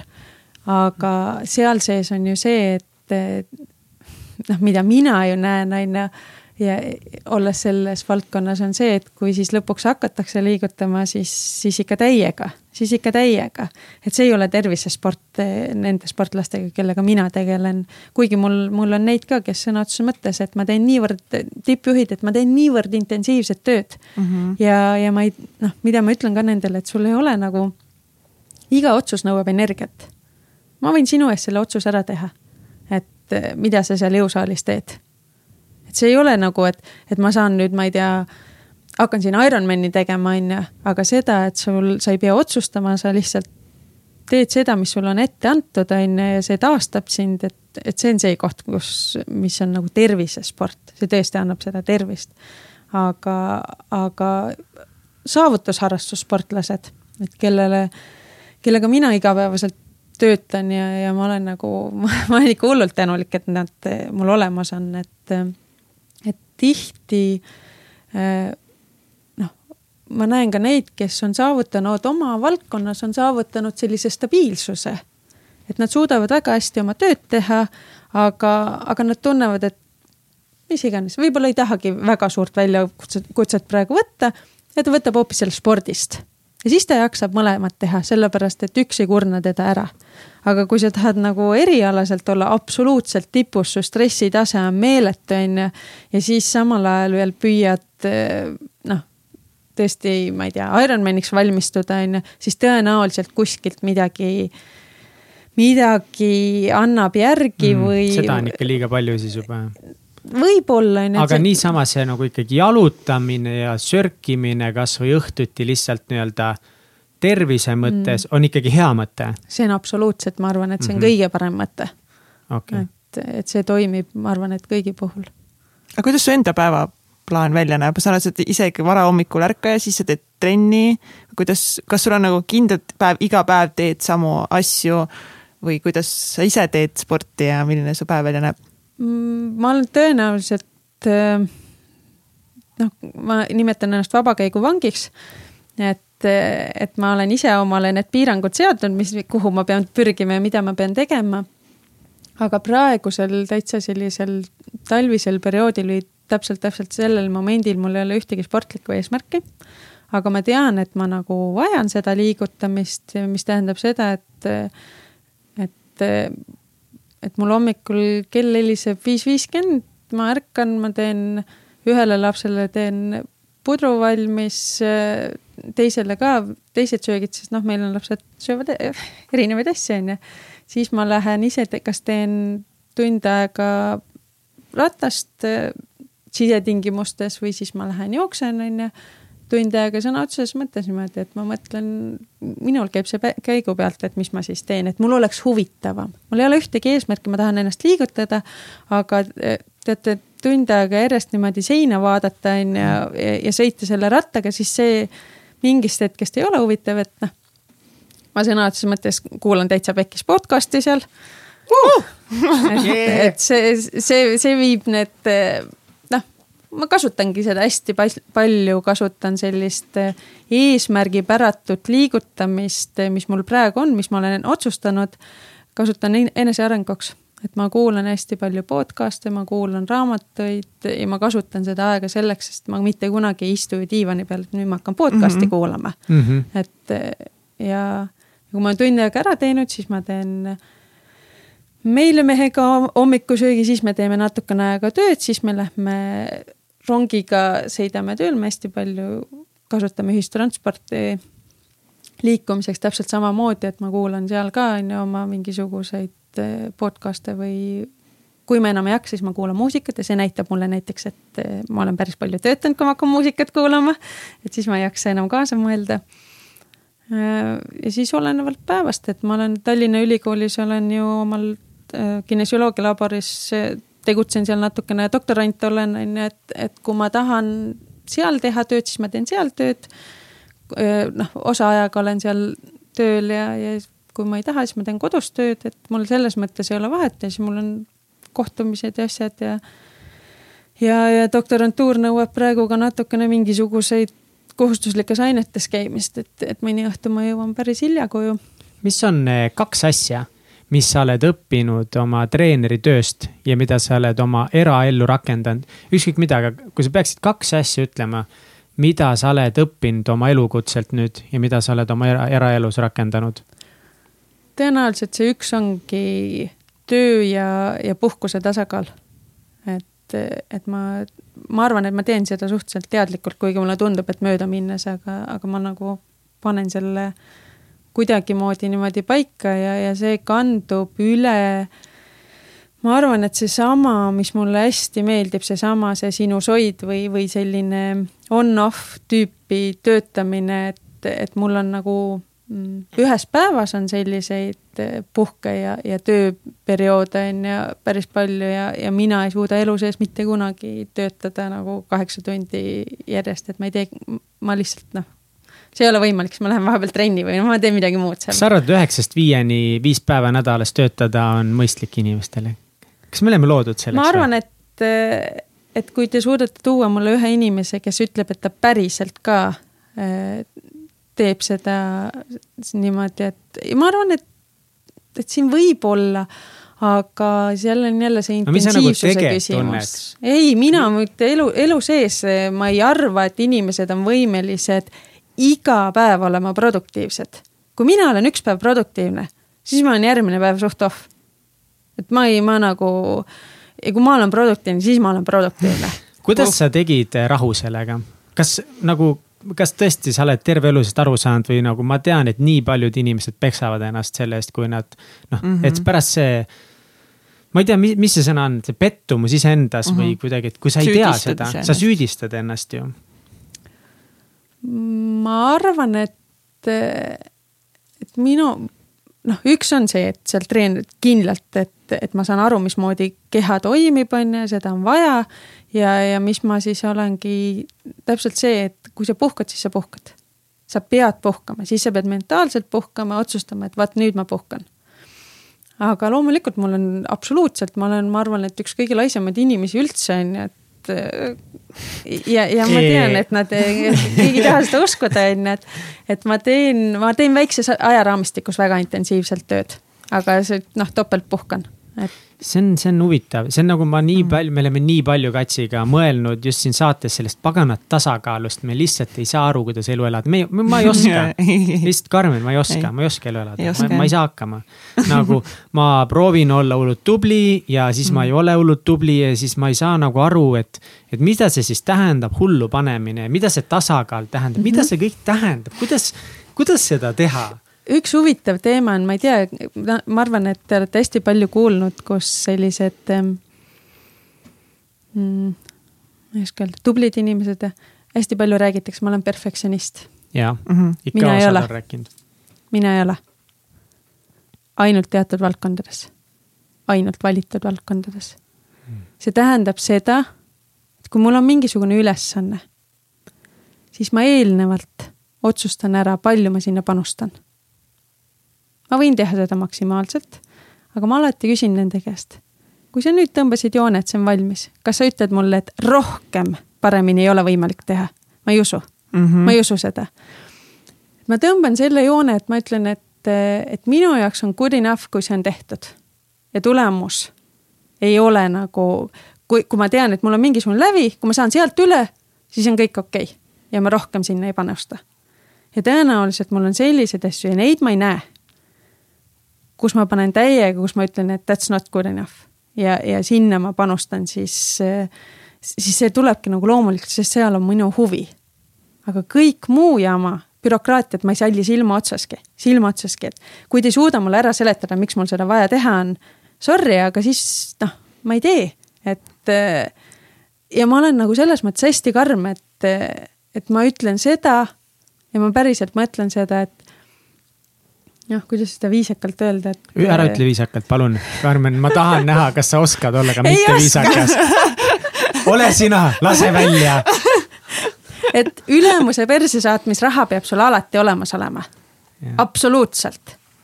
et see annab sulle selle võimaluse, et sul on võimalik mm teha midagi väga hästi. sa mm ütled, et noh, sorry, aga see ei, see ei tööta või noh, et ma ei näe sellel pointi.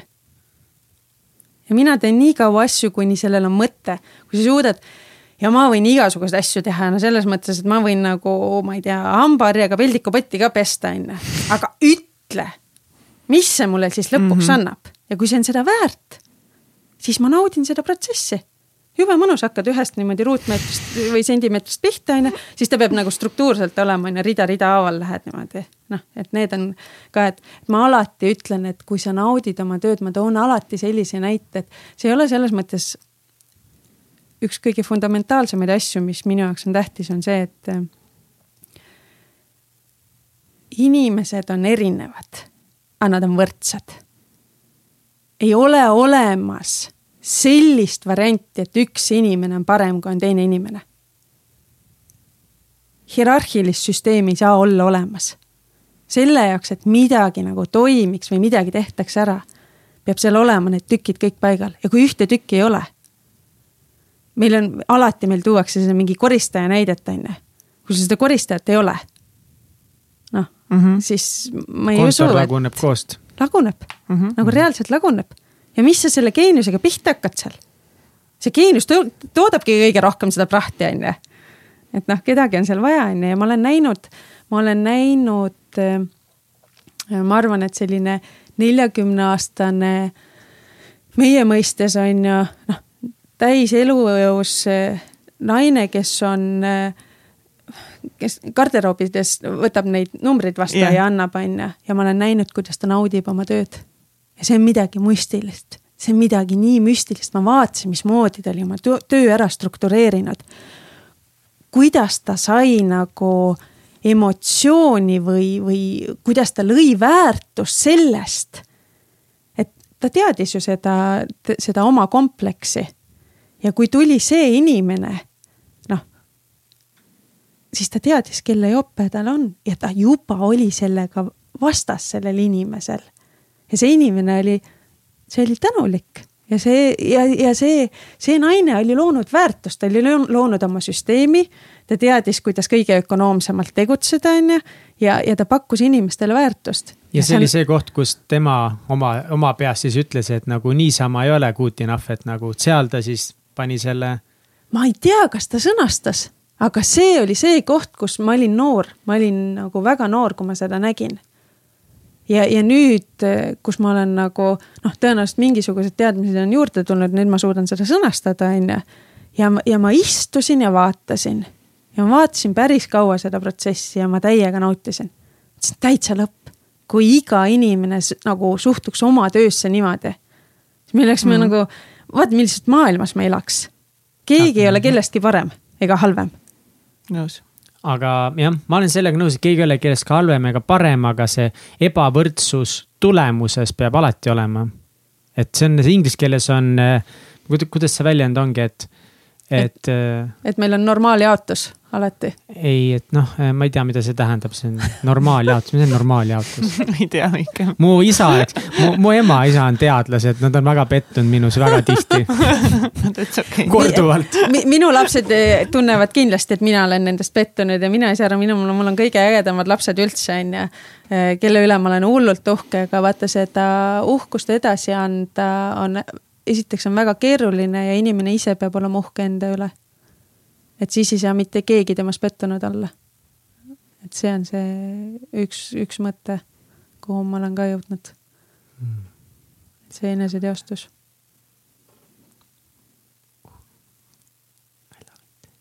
jätke meelde. see oli lahe, mulle meeldib, Karmen, kui sa räägid südamest, Mhm.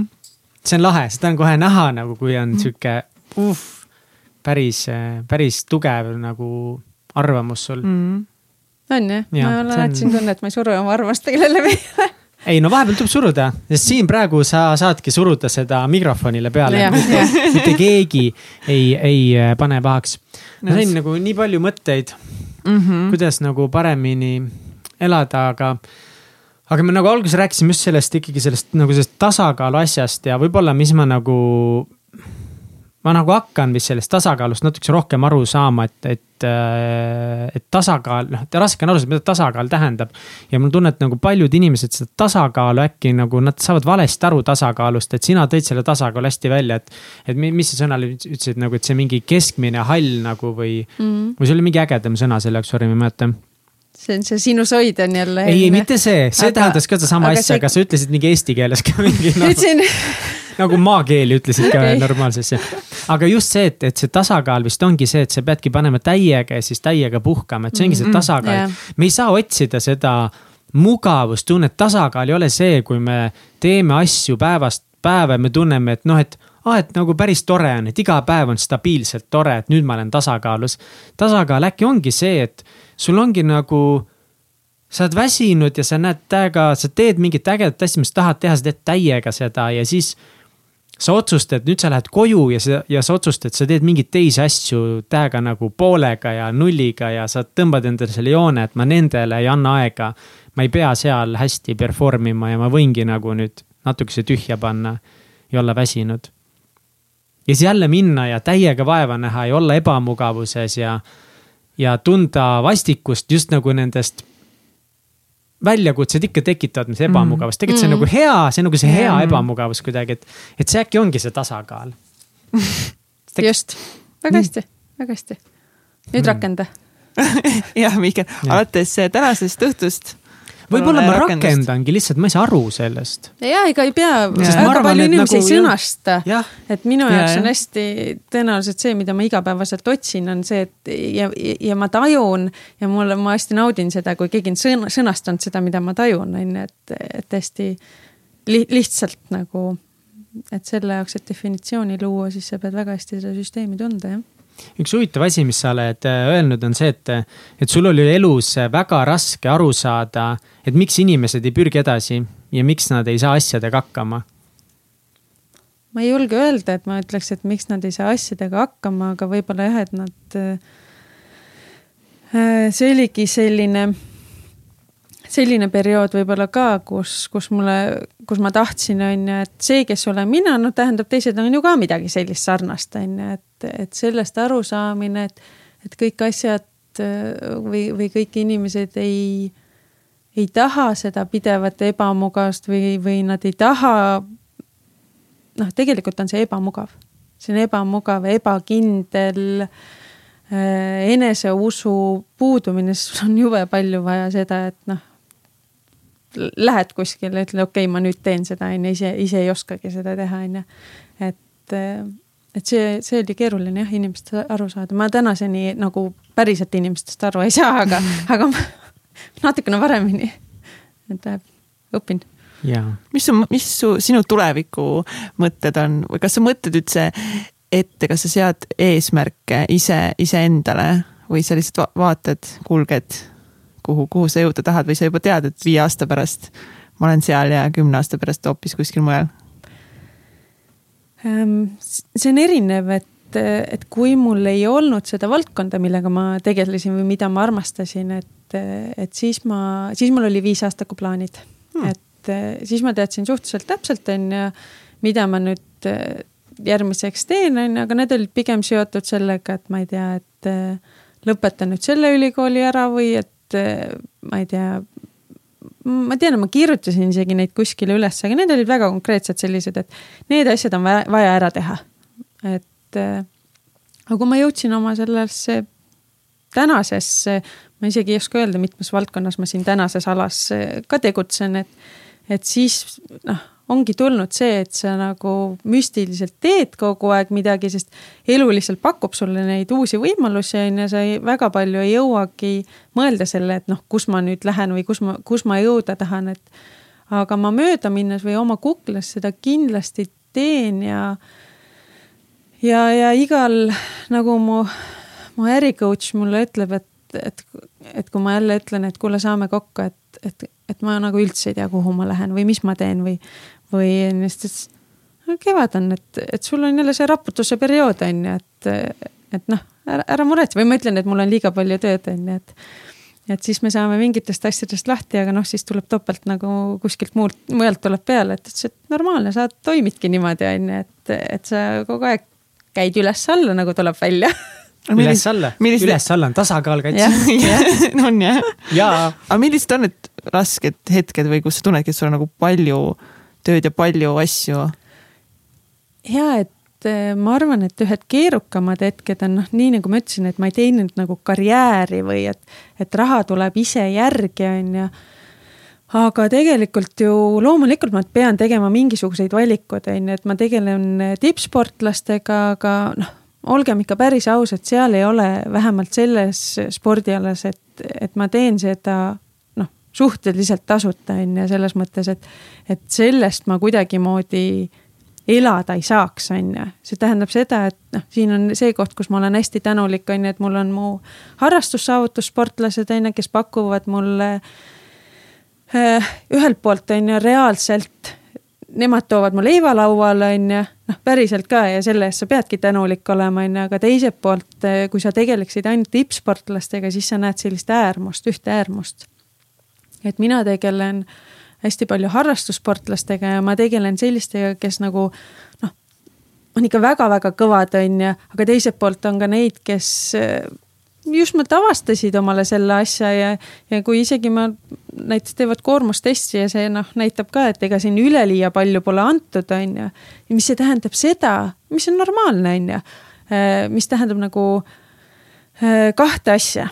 on, on see, et iseenda suhtes sa saad alati areneda, ükstapuha mis vallas. et kui sa otsustad midagi tegema hakata, siis iseenda suhtes saad nagu äh, alati paremaks minna aga, aga teiselt poolt, mida see mulle treenerina annab, annab seda, et ma näen nagu nii palju võimalusi ja erisusi ja ma näen nii palju erinevaid variante, kuidas keha reageerib sarnastele koor-, koor-, noh, koormustele, on ju. mis tähendab seda, et ma saan õppida sealt pealt niivõrd palju. noh, ma mõistan seda maailma nagu kordades paremini, on ju aga, aga loomulikult on ju, et treenerina me võimegi öelda, et noh, me tahame tippsportlast on ju, et, et see on see suund, kuhu ma tahan minna ja sinna tahaksin ma nagu väga-väga palju energiat panustada, on ju. ja, ja siis e, teiselt poolt on ju, on mul need harrastajad, kes annavad mulle nii emotsionaalselt kui ma ei tea, majanduslikult midagi on ju, seal tuleb sul tasakaal leida. siis ülla-ülla, e, ma olen siis veel ülikoolis ma olen laboritehniline spetsialist on ju ühelt poolt on ju, et tegelen päris palju sportlaste testimistega, aga kuna see on minu doktoriga tööga seotud, nii et ma doktorantuuris olen ma ka on ju. ja siis ma annan veel mingisuguseid loenguid, annan ülikoolis on ju, et et siis sa saad nagu mingi hetk jälle tuleb see, kus ma mõtlen, et jah, ei tea, et nagu rohkem asju ei saaks võtta või. et see on see fookuse küsimus. fookuse küsimus Äh, täpselt samamoodi, et see on mingi, mingi see on... hetkeni on see okei okay,, et sul on vaja nagu laia pilti, on ju. Aga mingist hetkest sa hakkad mõtlema, et okei okay,, aga ma peaksin kuskile fokusseerima. et aga ma olen nagu teistpidi jällegi jõudnud seda, et iga kord, kui ma võtan ühe asja vähemaks, nii nagu ma ütlesin, siis tuleb nagu paar asja juurde. midagi tuleb juurde et mulle nagu see variant vist ei sobi, et ma nagu ühele asjale keskendun ainult, et, et need kõik süsteemid kokku tõenäoliselt tekitavad minule sellise hästi suure pildi ja arusaama nendest asjadest. Neid kõiki asju tehes, et see fookus on noh, kui me vaatame siukseid ka erinevaid äh, kirjanikke, autoreid, ettevõtjaid, eluõpetajaid väga paljudest väga tarkade inimeste sõnumitest tuleb välja ikkagi see, et fookus on see, mis noh, eriti ettevõtluses toob sulle edu mm. -hmm. tohutu, tohutu sihitud laser, laseriga fookus kas, kas sina kuidagi enda jaoks teed seda kõike handle itavaks, kuidas eesti keeles on, et sa saad selle kõige hakkama täpselt selle samale printsiibile, et sa ühes kohas teed nagu järeleandmisi tulemusele, teadlikke. või, või nendes valdkondades sa ei saa kuskil nagu öelda, et, et ma siia nüüd ei pea sada protsenti panema? ma arvan, et, et ma valetaks, kui ma ütleks, et ma ei tee ühtegi järeleandmist, see ei ole võimalik, see ei ole võimalik. Aga, aga ma peangi vaatama nagu selles mõttes sellist, ma alati vaatan sellist pikaajalist pilti, et kui ma siin annan natukene järgi, et mis on see asi, mida ma kaotan. ja kui see ei ole väga suur asi, siis ma lepin iseendaga kokku, et okei okay,, et sa ei tee seda väga hästi, aga see on okei okay et, et millega, millega mul päriselt on olnud väga-väga raske iseendaga leppida, ongi see, et, et ma ei ole perfektne. et ma ei mm., ma isegi ei püüdle selle poole, et olla nagu igas asjas, absoluutselt igas asjas nagu noh, et ma võtan mingisuguse suvalise asja, ma ei tea, et ma nüüd koristan ja siis ma teen seda perfektselt, on ju, kui mul täna selle jaoks ei ole aega ja see ei ole nagu täna tähtis, on ju, siis ma ei tee seda perfektselt. aga ma, selles mõttes, et nagu see on väga nagu lihtne näide, mida tuua, et okei okay,, sa ei korista perfektselt, et noh, mis see, mis see, mhm. mida, sittagi ei juhtu siis. aga kui sa ei ole laboris perfektne või kui sa ei anda endast maksimumi seal äh, Äh, klassiruumi ees, et siis nagu võib-olla see mõju on nagu palju suurem mm, -hmm. et kuidas sellega hakkama saad, ma tean, et ega sa alati ei suudagi igal pool panna endast maksimumi ja miks ma seda küsin, on see, et ma ise tunnen ja me paljud inimesed, me teame ümber. et meil ongi korraga käsil nagu palju asju, mis on nagu vahepeal justkui sama olulised mm. -hmm. aga kuidas sa siis mhm. teed selle järeleandmise asjas, mis on sulle tegelikult oluline? See on hästi, ongi hästi keeruline küsimus, et millega ma siis äh, igapäevaselt võitlen, et, äh, et ma tean mina olen tähtaegade inimene, sada protsenti. kui mul on tähtaeg, siis ma selleks hetkeks teen kõik asjad ära. aga sinnamaani mul on võimalik mängida. ja, ja ma, ma teen selliseid ähm, teadlikke nagu switch'e, et, et ma annan omale ühe selle ajaperspektiivi, et nüüd ma tegelen selle asjaga ja siis ma vahetan selle teise vastu, aga vaadake, mis on keeruline, mida inimesed äh, kaugelt ei tea. ja see ei ole see koht, mida ma tahaksin nagu väga öelda, aga teadus on väga keeruline asi mm. ja mitte sellepärast, et arvatakse, et me ei saa sellest aru või noh, et noh, ta on ikka teaduslik värk, vaid maailm on niivõrd keeruline tihti ei ole vastuseid. ja see muudab asjade mõõtmise, analüüsimise, kõik need asjad niivõrd äh, keeruliseks, et mõnikord tekib selline tunne, et aga noh, mis vahet sellel on? mis vahet sellel on, me teame, mina tean, kuidas need asjad seal käivad. ja, ja noh kui sa ise mõõdad neid asju, on ju, siis sa püüad nagu parimat, on ju. noh, ma, ma ei oska, selles mõttes on, ma ei oskagi mitte midagi öelda, on ju, ma tean lihtsalt seda, et mina võin parimal viisil püüda mm., aga mul ei ole kontrolli selle tulemuse üle alati. ja, ja, ja siis see, ja siis sa pead iseendaga hakkama saama, et noh, et kuidas ma nüüd sellesse suhtun, mis, mismoodi ma sellega hakkama saan, on ju. et aga, aga mul noh minul on pigem see, et mul on päeva jooksul need fookused ongi erinevad. ja, ja need, kus ma nagu niinimetatud ideaalne ei ole. mul ei ole vaja ülikooli lõpetada cum laude, näiteks. ja väga palju aineid on need, kus, kus ma tunnen, et noh, vähemalt praeguses ajahetkes mind see teema ei huvita. ja veel rohkem, ma olen väga iseõppija ja, ja ma õpiks, kui mul on seda vaja nagu probleemi lahendada, on ju, siis ma õpin selle niikuinii ise ära. mul on hea mm. meel, et sa asja õppimisel viisid, mul on, mul on endal, me peame hakkama vaikselt juba siin varsti otsi kokku tõmbama, mul on üks küsimus, ma tahan veel küsida, aga kas sa tahad ise midagi küsida veel, Kats? sul on. mul on üks küsimus on ja. aga, aga miks sa arvad, et sa ei või enne Aa, enda küsimust? küsi ennem küsimus, siis ma küsin enda küsimuse. viis mind ühe asjani, mis ma nagu korra tahtsin puudutada, ma tean, et sellest võiks omaette saate teha ilmselt mm. -hmm, aga mind huvitab nagu see, et et äh, kuna sa oled väga intelligentne naine, siis ma nagu pakun, et peale selle, et sa õpid palju, et, et sulle tegelikult ikka see õppimine väga meeldib ka ja sa näed seal noh, sa nii või naa näed tohutut väärtust seal taga. kuidas sa proovid oma lastele anda sedasama mõtteviisi edasi, et mm. õppimises peitub nagu see võti või võit või võlu või tekitada seda uudishimulikkust ka oma lastes? mul on natukene selline tunne, et et sõnadega me ei saa seda teha. et mida ma saan teha, ma saan seda teha eeskujuga. et ja mind muidugi hämmastas muidugi ükskord, kui, kui mu see viieteistaastane oli mul kõrval, ta räägib niikuinii vähe, aga ütles, et paljud nagu imestavad, et noh, mis me seal koolis teeme, et noh, igasugust nagu sellist asja on no,, mida nagu ei ole vaja, onju ja siis, siis ta ütleb, et aga see on ju silmaringi laiendamiseks.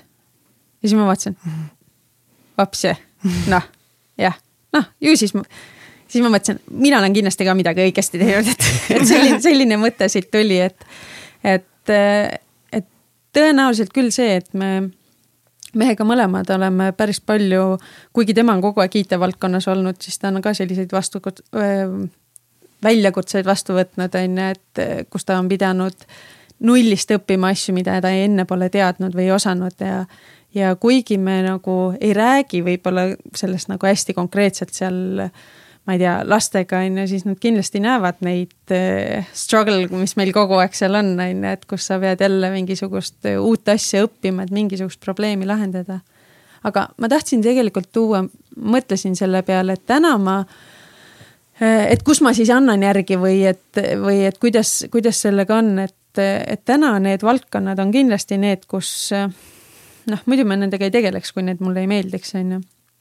Aga kunagi, kui ma õppisin ära äh, veebilehtede pro programmeerimise on ju, tegin mingit graafilist disaini on ju, lihtsalt äh, elu nõudis, et seda on vaja teha, siis äh, selle peale ma ütlen, vot, vot need on need kohad, kus ma ütlen, et mida ma nagu ei, ei tahaks täna ka enam vaadata, et, et see valdkond äh, tõenäoliselt ikkagi päris minu jaoks ei olnud, et ma küll iseenda suhtes arenesin kõvasti, ma sain nende asjadega hakkama, on ju. aga, aga ma arvan, et mul on hea meel, et, et ma sinna suunas ei läinud, et see nagu ei, ei toiminud, et, et võib-olla see on see sõnum, et. et hästi palju me peame püüdma et võib-olla lihtsalt algul ei tule välja, algul on raske, on ju, aga, aga mingist hetkest, kui sa näed, et, et tegelikult põhiline on see, et sul silmad ei sära ja sa ei lähe seda ekstrat seal otsima. et võib-olla siis ei ole see koht, et kuhu panustada. Hmm.. aga mida sa ütleksid teistele kes praegu kuulavad ja tunnevad kuidagi, et, et see valdkond, kus nad praegu on, ei ole võib-olla just seesama, mis sa ütlesid, et paneb hullult silmad särama ja see, et ma teen seda ja siis raha tuleb mulle järgi, sest ma nii väga armastan seda teha, et ma ei ole praegu täna sellises kohas, aga ma tahaks seda sammu astuda ja proovida midagi muud, aga kui ma ei julge, siis mis tegema peaks? ma arvan, et need inimesed, kes teavad seda, et mida nad teha tahavad ja mis silma särama panevad, et need tavaliselt jõuavad selle sammuni tegelik probleem või, või tegelik selline asetus on ju see, et väga paljud ei tea mm, -hmm. mis nende silma särama paneb. et ja noh, mina ka ei teadnud ja ma ei, ma ei saa öelda, et keegi oleks või noh, et, et ma oleks nüüd noh, kuidagimoodi teadlikult selleni jõudnud. et kas see on juhus või noh, ma ei mäleta, kas Passion või mingisugune selline raamat on, kus saab siis step by step selliste võtetega jõuda selleni, et, et mis sulle siis meeldib, on ju ja, ja ma arvan, et see, see ongi tõenäoliselt see võti, et kõigepealt tuleb leida see, see, see kirg sealt kuskilt, kuskilt ülesse. aga mul on et... nii turvaline olla seal, kus ma olen praegu versus see, et astudagi siis valdkonda, kus ma ei tea mitte midagi. aga kui inimene on rahul, turvalisus ei ole halb. päevatööl käia ei ole halb. absoluutselt mitte. kui see noh, kui sa tunned nagu päeva lõpuks, et. ei no aga päeva lõpus okay. ma, ei, aga päeva lõpus ma ei tunnegi, et see on okei okay. no, aga noh, et kas sul on mingid, kuidas, kuidas olla lihtsalt julgem iseenda otsustes võtta mingi kindlamat otsust vastu, et mitte põdeda nagu nii palju lihtsalt sellepärast ette, et äkki ma ei saa hakkama ja äkki ikka läheb nii ja. no ma lastele ka ütlen, et, et kõige lihtsam asi on alati mõelda, on ju, et mis on see kõige hullem asi, mis võib juhtuda, on ju ja et kas sa sellega hakkama saad. et kui sa päris nagu äh, põõsa alla sel-, selle tulemusena jääd, on ju, aga samas noh, võib-olla ema võtaks kahe, võtab kaheks kuuks nagu enda juurde, võib-olla siis noh, siis võib ikka proovida, on ju. et, et millega sa siis mi,, mida sa oled nõus kaotama mm.? tõenäoliselt, et, et pane, pane see paika, et mida sa ei ole nõus kaotama.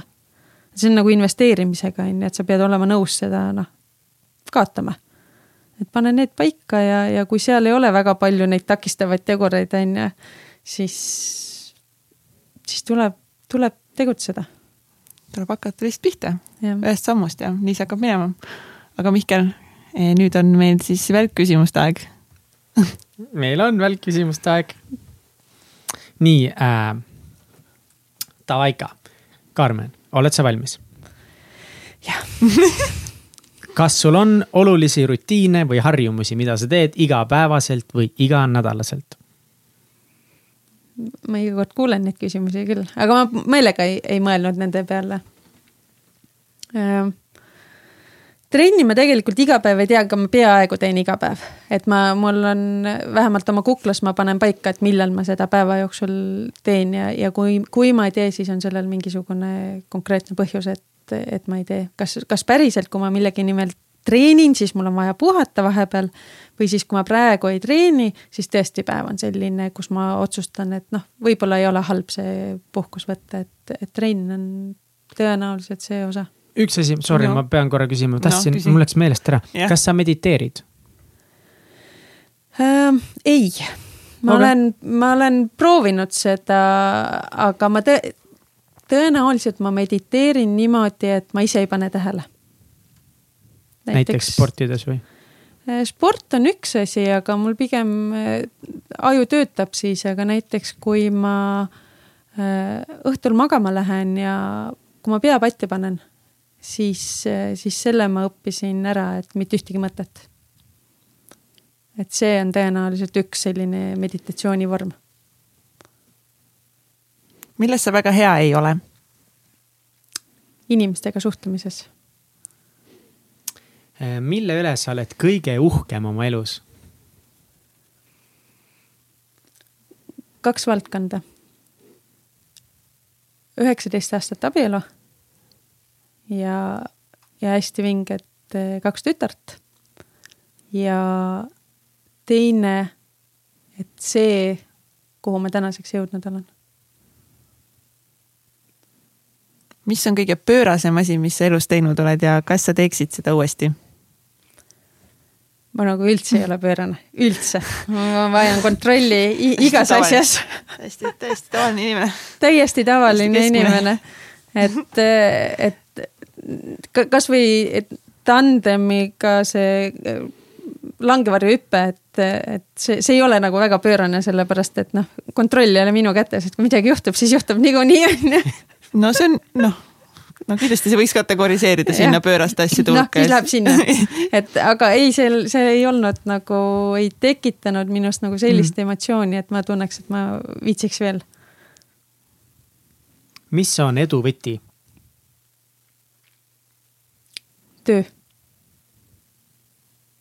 skaalal ühest kümneni, kui veider sa enda arvates ise oled? täiesti normaalne viis. viis, Viis. viis, tubli. Karmen on viis. tavaliselt see on see koht, kus äh, me anname oma külalistele raamatuid, aga meil said raamatud otsa, Karmen, ja meil tegelikult tulevad uued raamatud varsti, aga me ei ole jõudnud järgi minna nendele veel, nii et sina saad oma raamatu tagantjärgi. aga me lahendame selle kuidagi niimoodi ära, võib-olla me peame selle tegema mingisuguse Insta story selles, kus me valime selle raamatu välja või kuidagi me peame selle ära lahendama niimoodi, et nagu pärast teised usuvad ka meid, et Et me jah? et sa said, said selle raamatu ja ah,. By the way, mis su lemmikraamat on, on sul lemmikraamat? ei, selle mahu juures, mida mina läbi töötlen, siis kindlasti ei ole lemmik, lemmikraamatuid, aga äh,. aga tõenäoliselt vi, viimasel ajal üks rohkem mõ- mõjutanud raamat, ma mitte kunagi ei mäleta, kes on mida kirjutanud mm, -hmm. mis on pealkiri, aga üks raamat, mis käsitles äh, Adleri psühholoogiat äh, nagu omas võtmes, et, et see andis mulle päris, päris mitu pidepunkti isiklikus elus, et, et see oli päris hea Nice. väga põnev. kus meie kuulajad sinu tegemistele saavad silma peal hoida? Äh, ma, ma olen tubli olnud, mul on, mul on isegi Instagram. aga, aga ma ei, ma ei ole väga-väga aktiivne. Ma ilusaid pilte ei pane, ma panen elulisi, oh, super. elulisi pilte ja, ja, ja, ja, ja loomulikult mingisuguseid graafikuid, asju ma panen ka sinna Oh, et ongi Karmen Reinbolt peaks olema nimi seal ja, ja Facebookis on mul ka Karmen Reinbold on, on selline page, kus, kus ma oma treeneri asjad seal on. kohe minge pange follow, ma just ja karmenreinbold.com, reinbold.com. Reinbold.com, et seal on, seal on ka mu. Vaat küll. ja kui äh, keegi tahab saada paremaks äh, ratturiks, siis nagu mega suur raha Karmenile ja ma pange boonusega, boonusega seepärast, et ta on äge lihtsalt, tehke Jah. nagu mingi neljakordne, neljakordse summaga. pange Noh, vist üks null sobib. lõppu lihtsalt. üks-null lõppu, vahet ei ole, sellepärast, et lihtsalt, et äh, why not noh. Let's do väga it. lahe. nii tore, Karmen, et sa tulid. Aitäh. nii põnev oli kuulata just sinu, sinu vaateväljasid kogu spordile ja teadusele ja kõigele sellele, mis sa nagu saavutanud oled. mina lahendasin, no sorry. Ei ei räägi. Ei, ei pole hullu. Just suva., ma segan kogu aeg vahele. ma lahendasin tasakaalu vist ära enda jaoks, just. ja me oleme seda mingi nelikümmend episoodi taga ajanud. väga äge. ja et nagu noh, sellega peab natukese töötama veel ja siis seda aktsepteerima teatud hetkel, aga ma leidsin mingi täiesti uue nurga, kuidas seda asja lahendama hakata, ma olen ülitänulik hetkel mm. -hmm. Ja aitäh. aitäh. aitäh, tšau. tšau. Yes.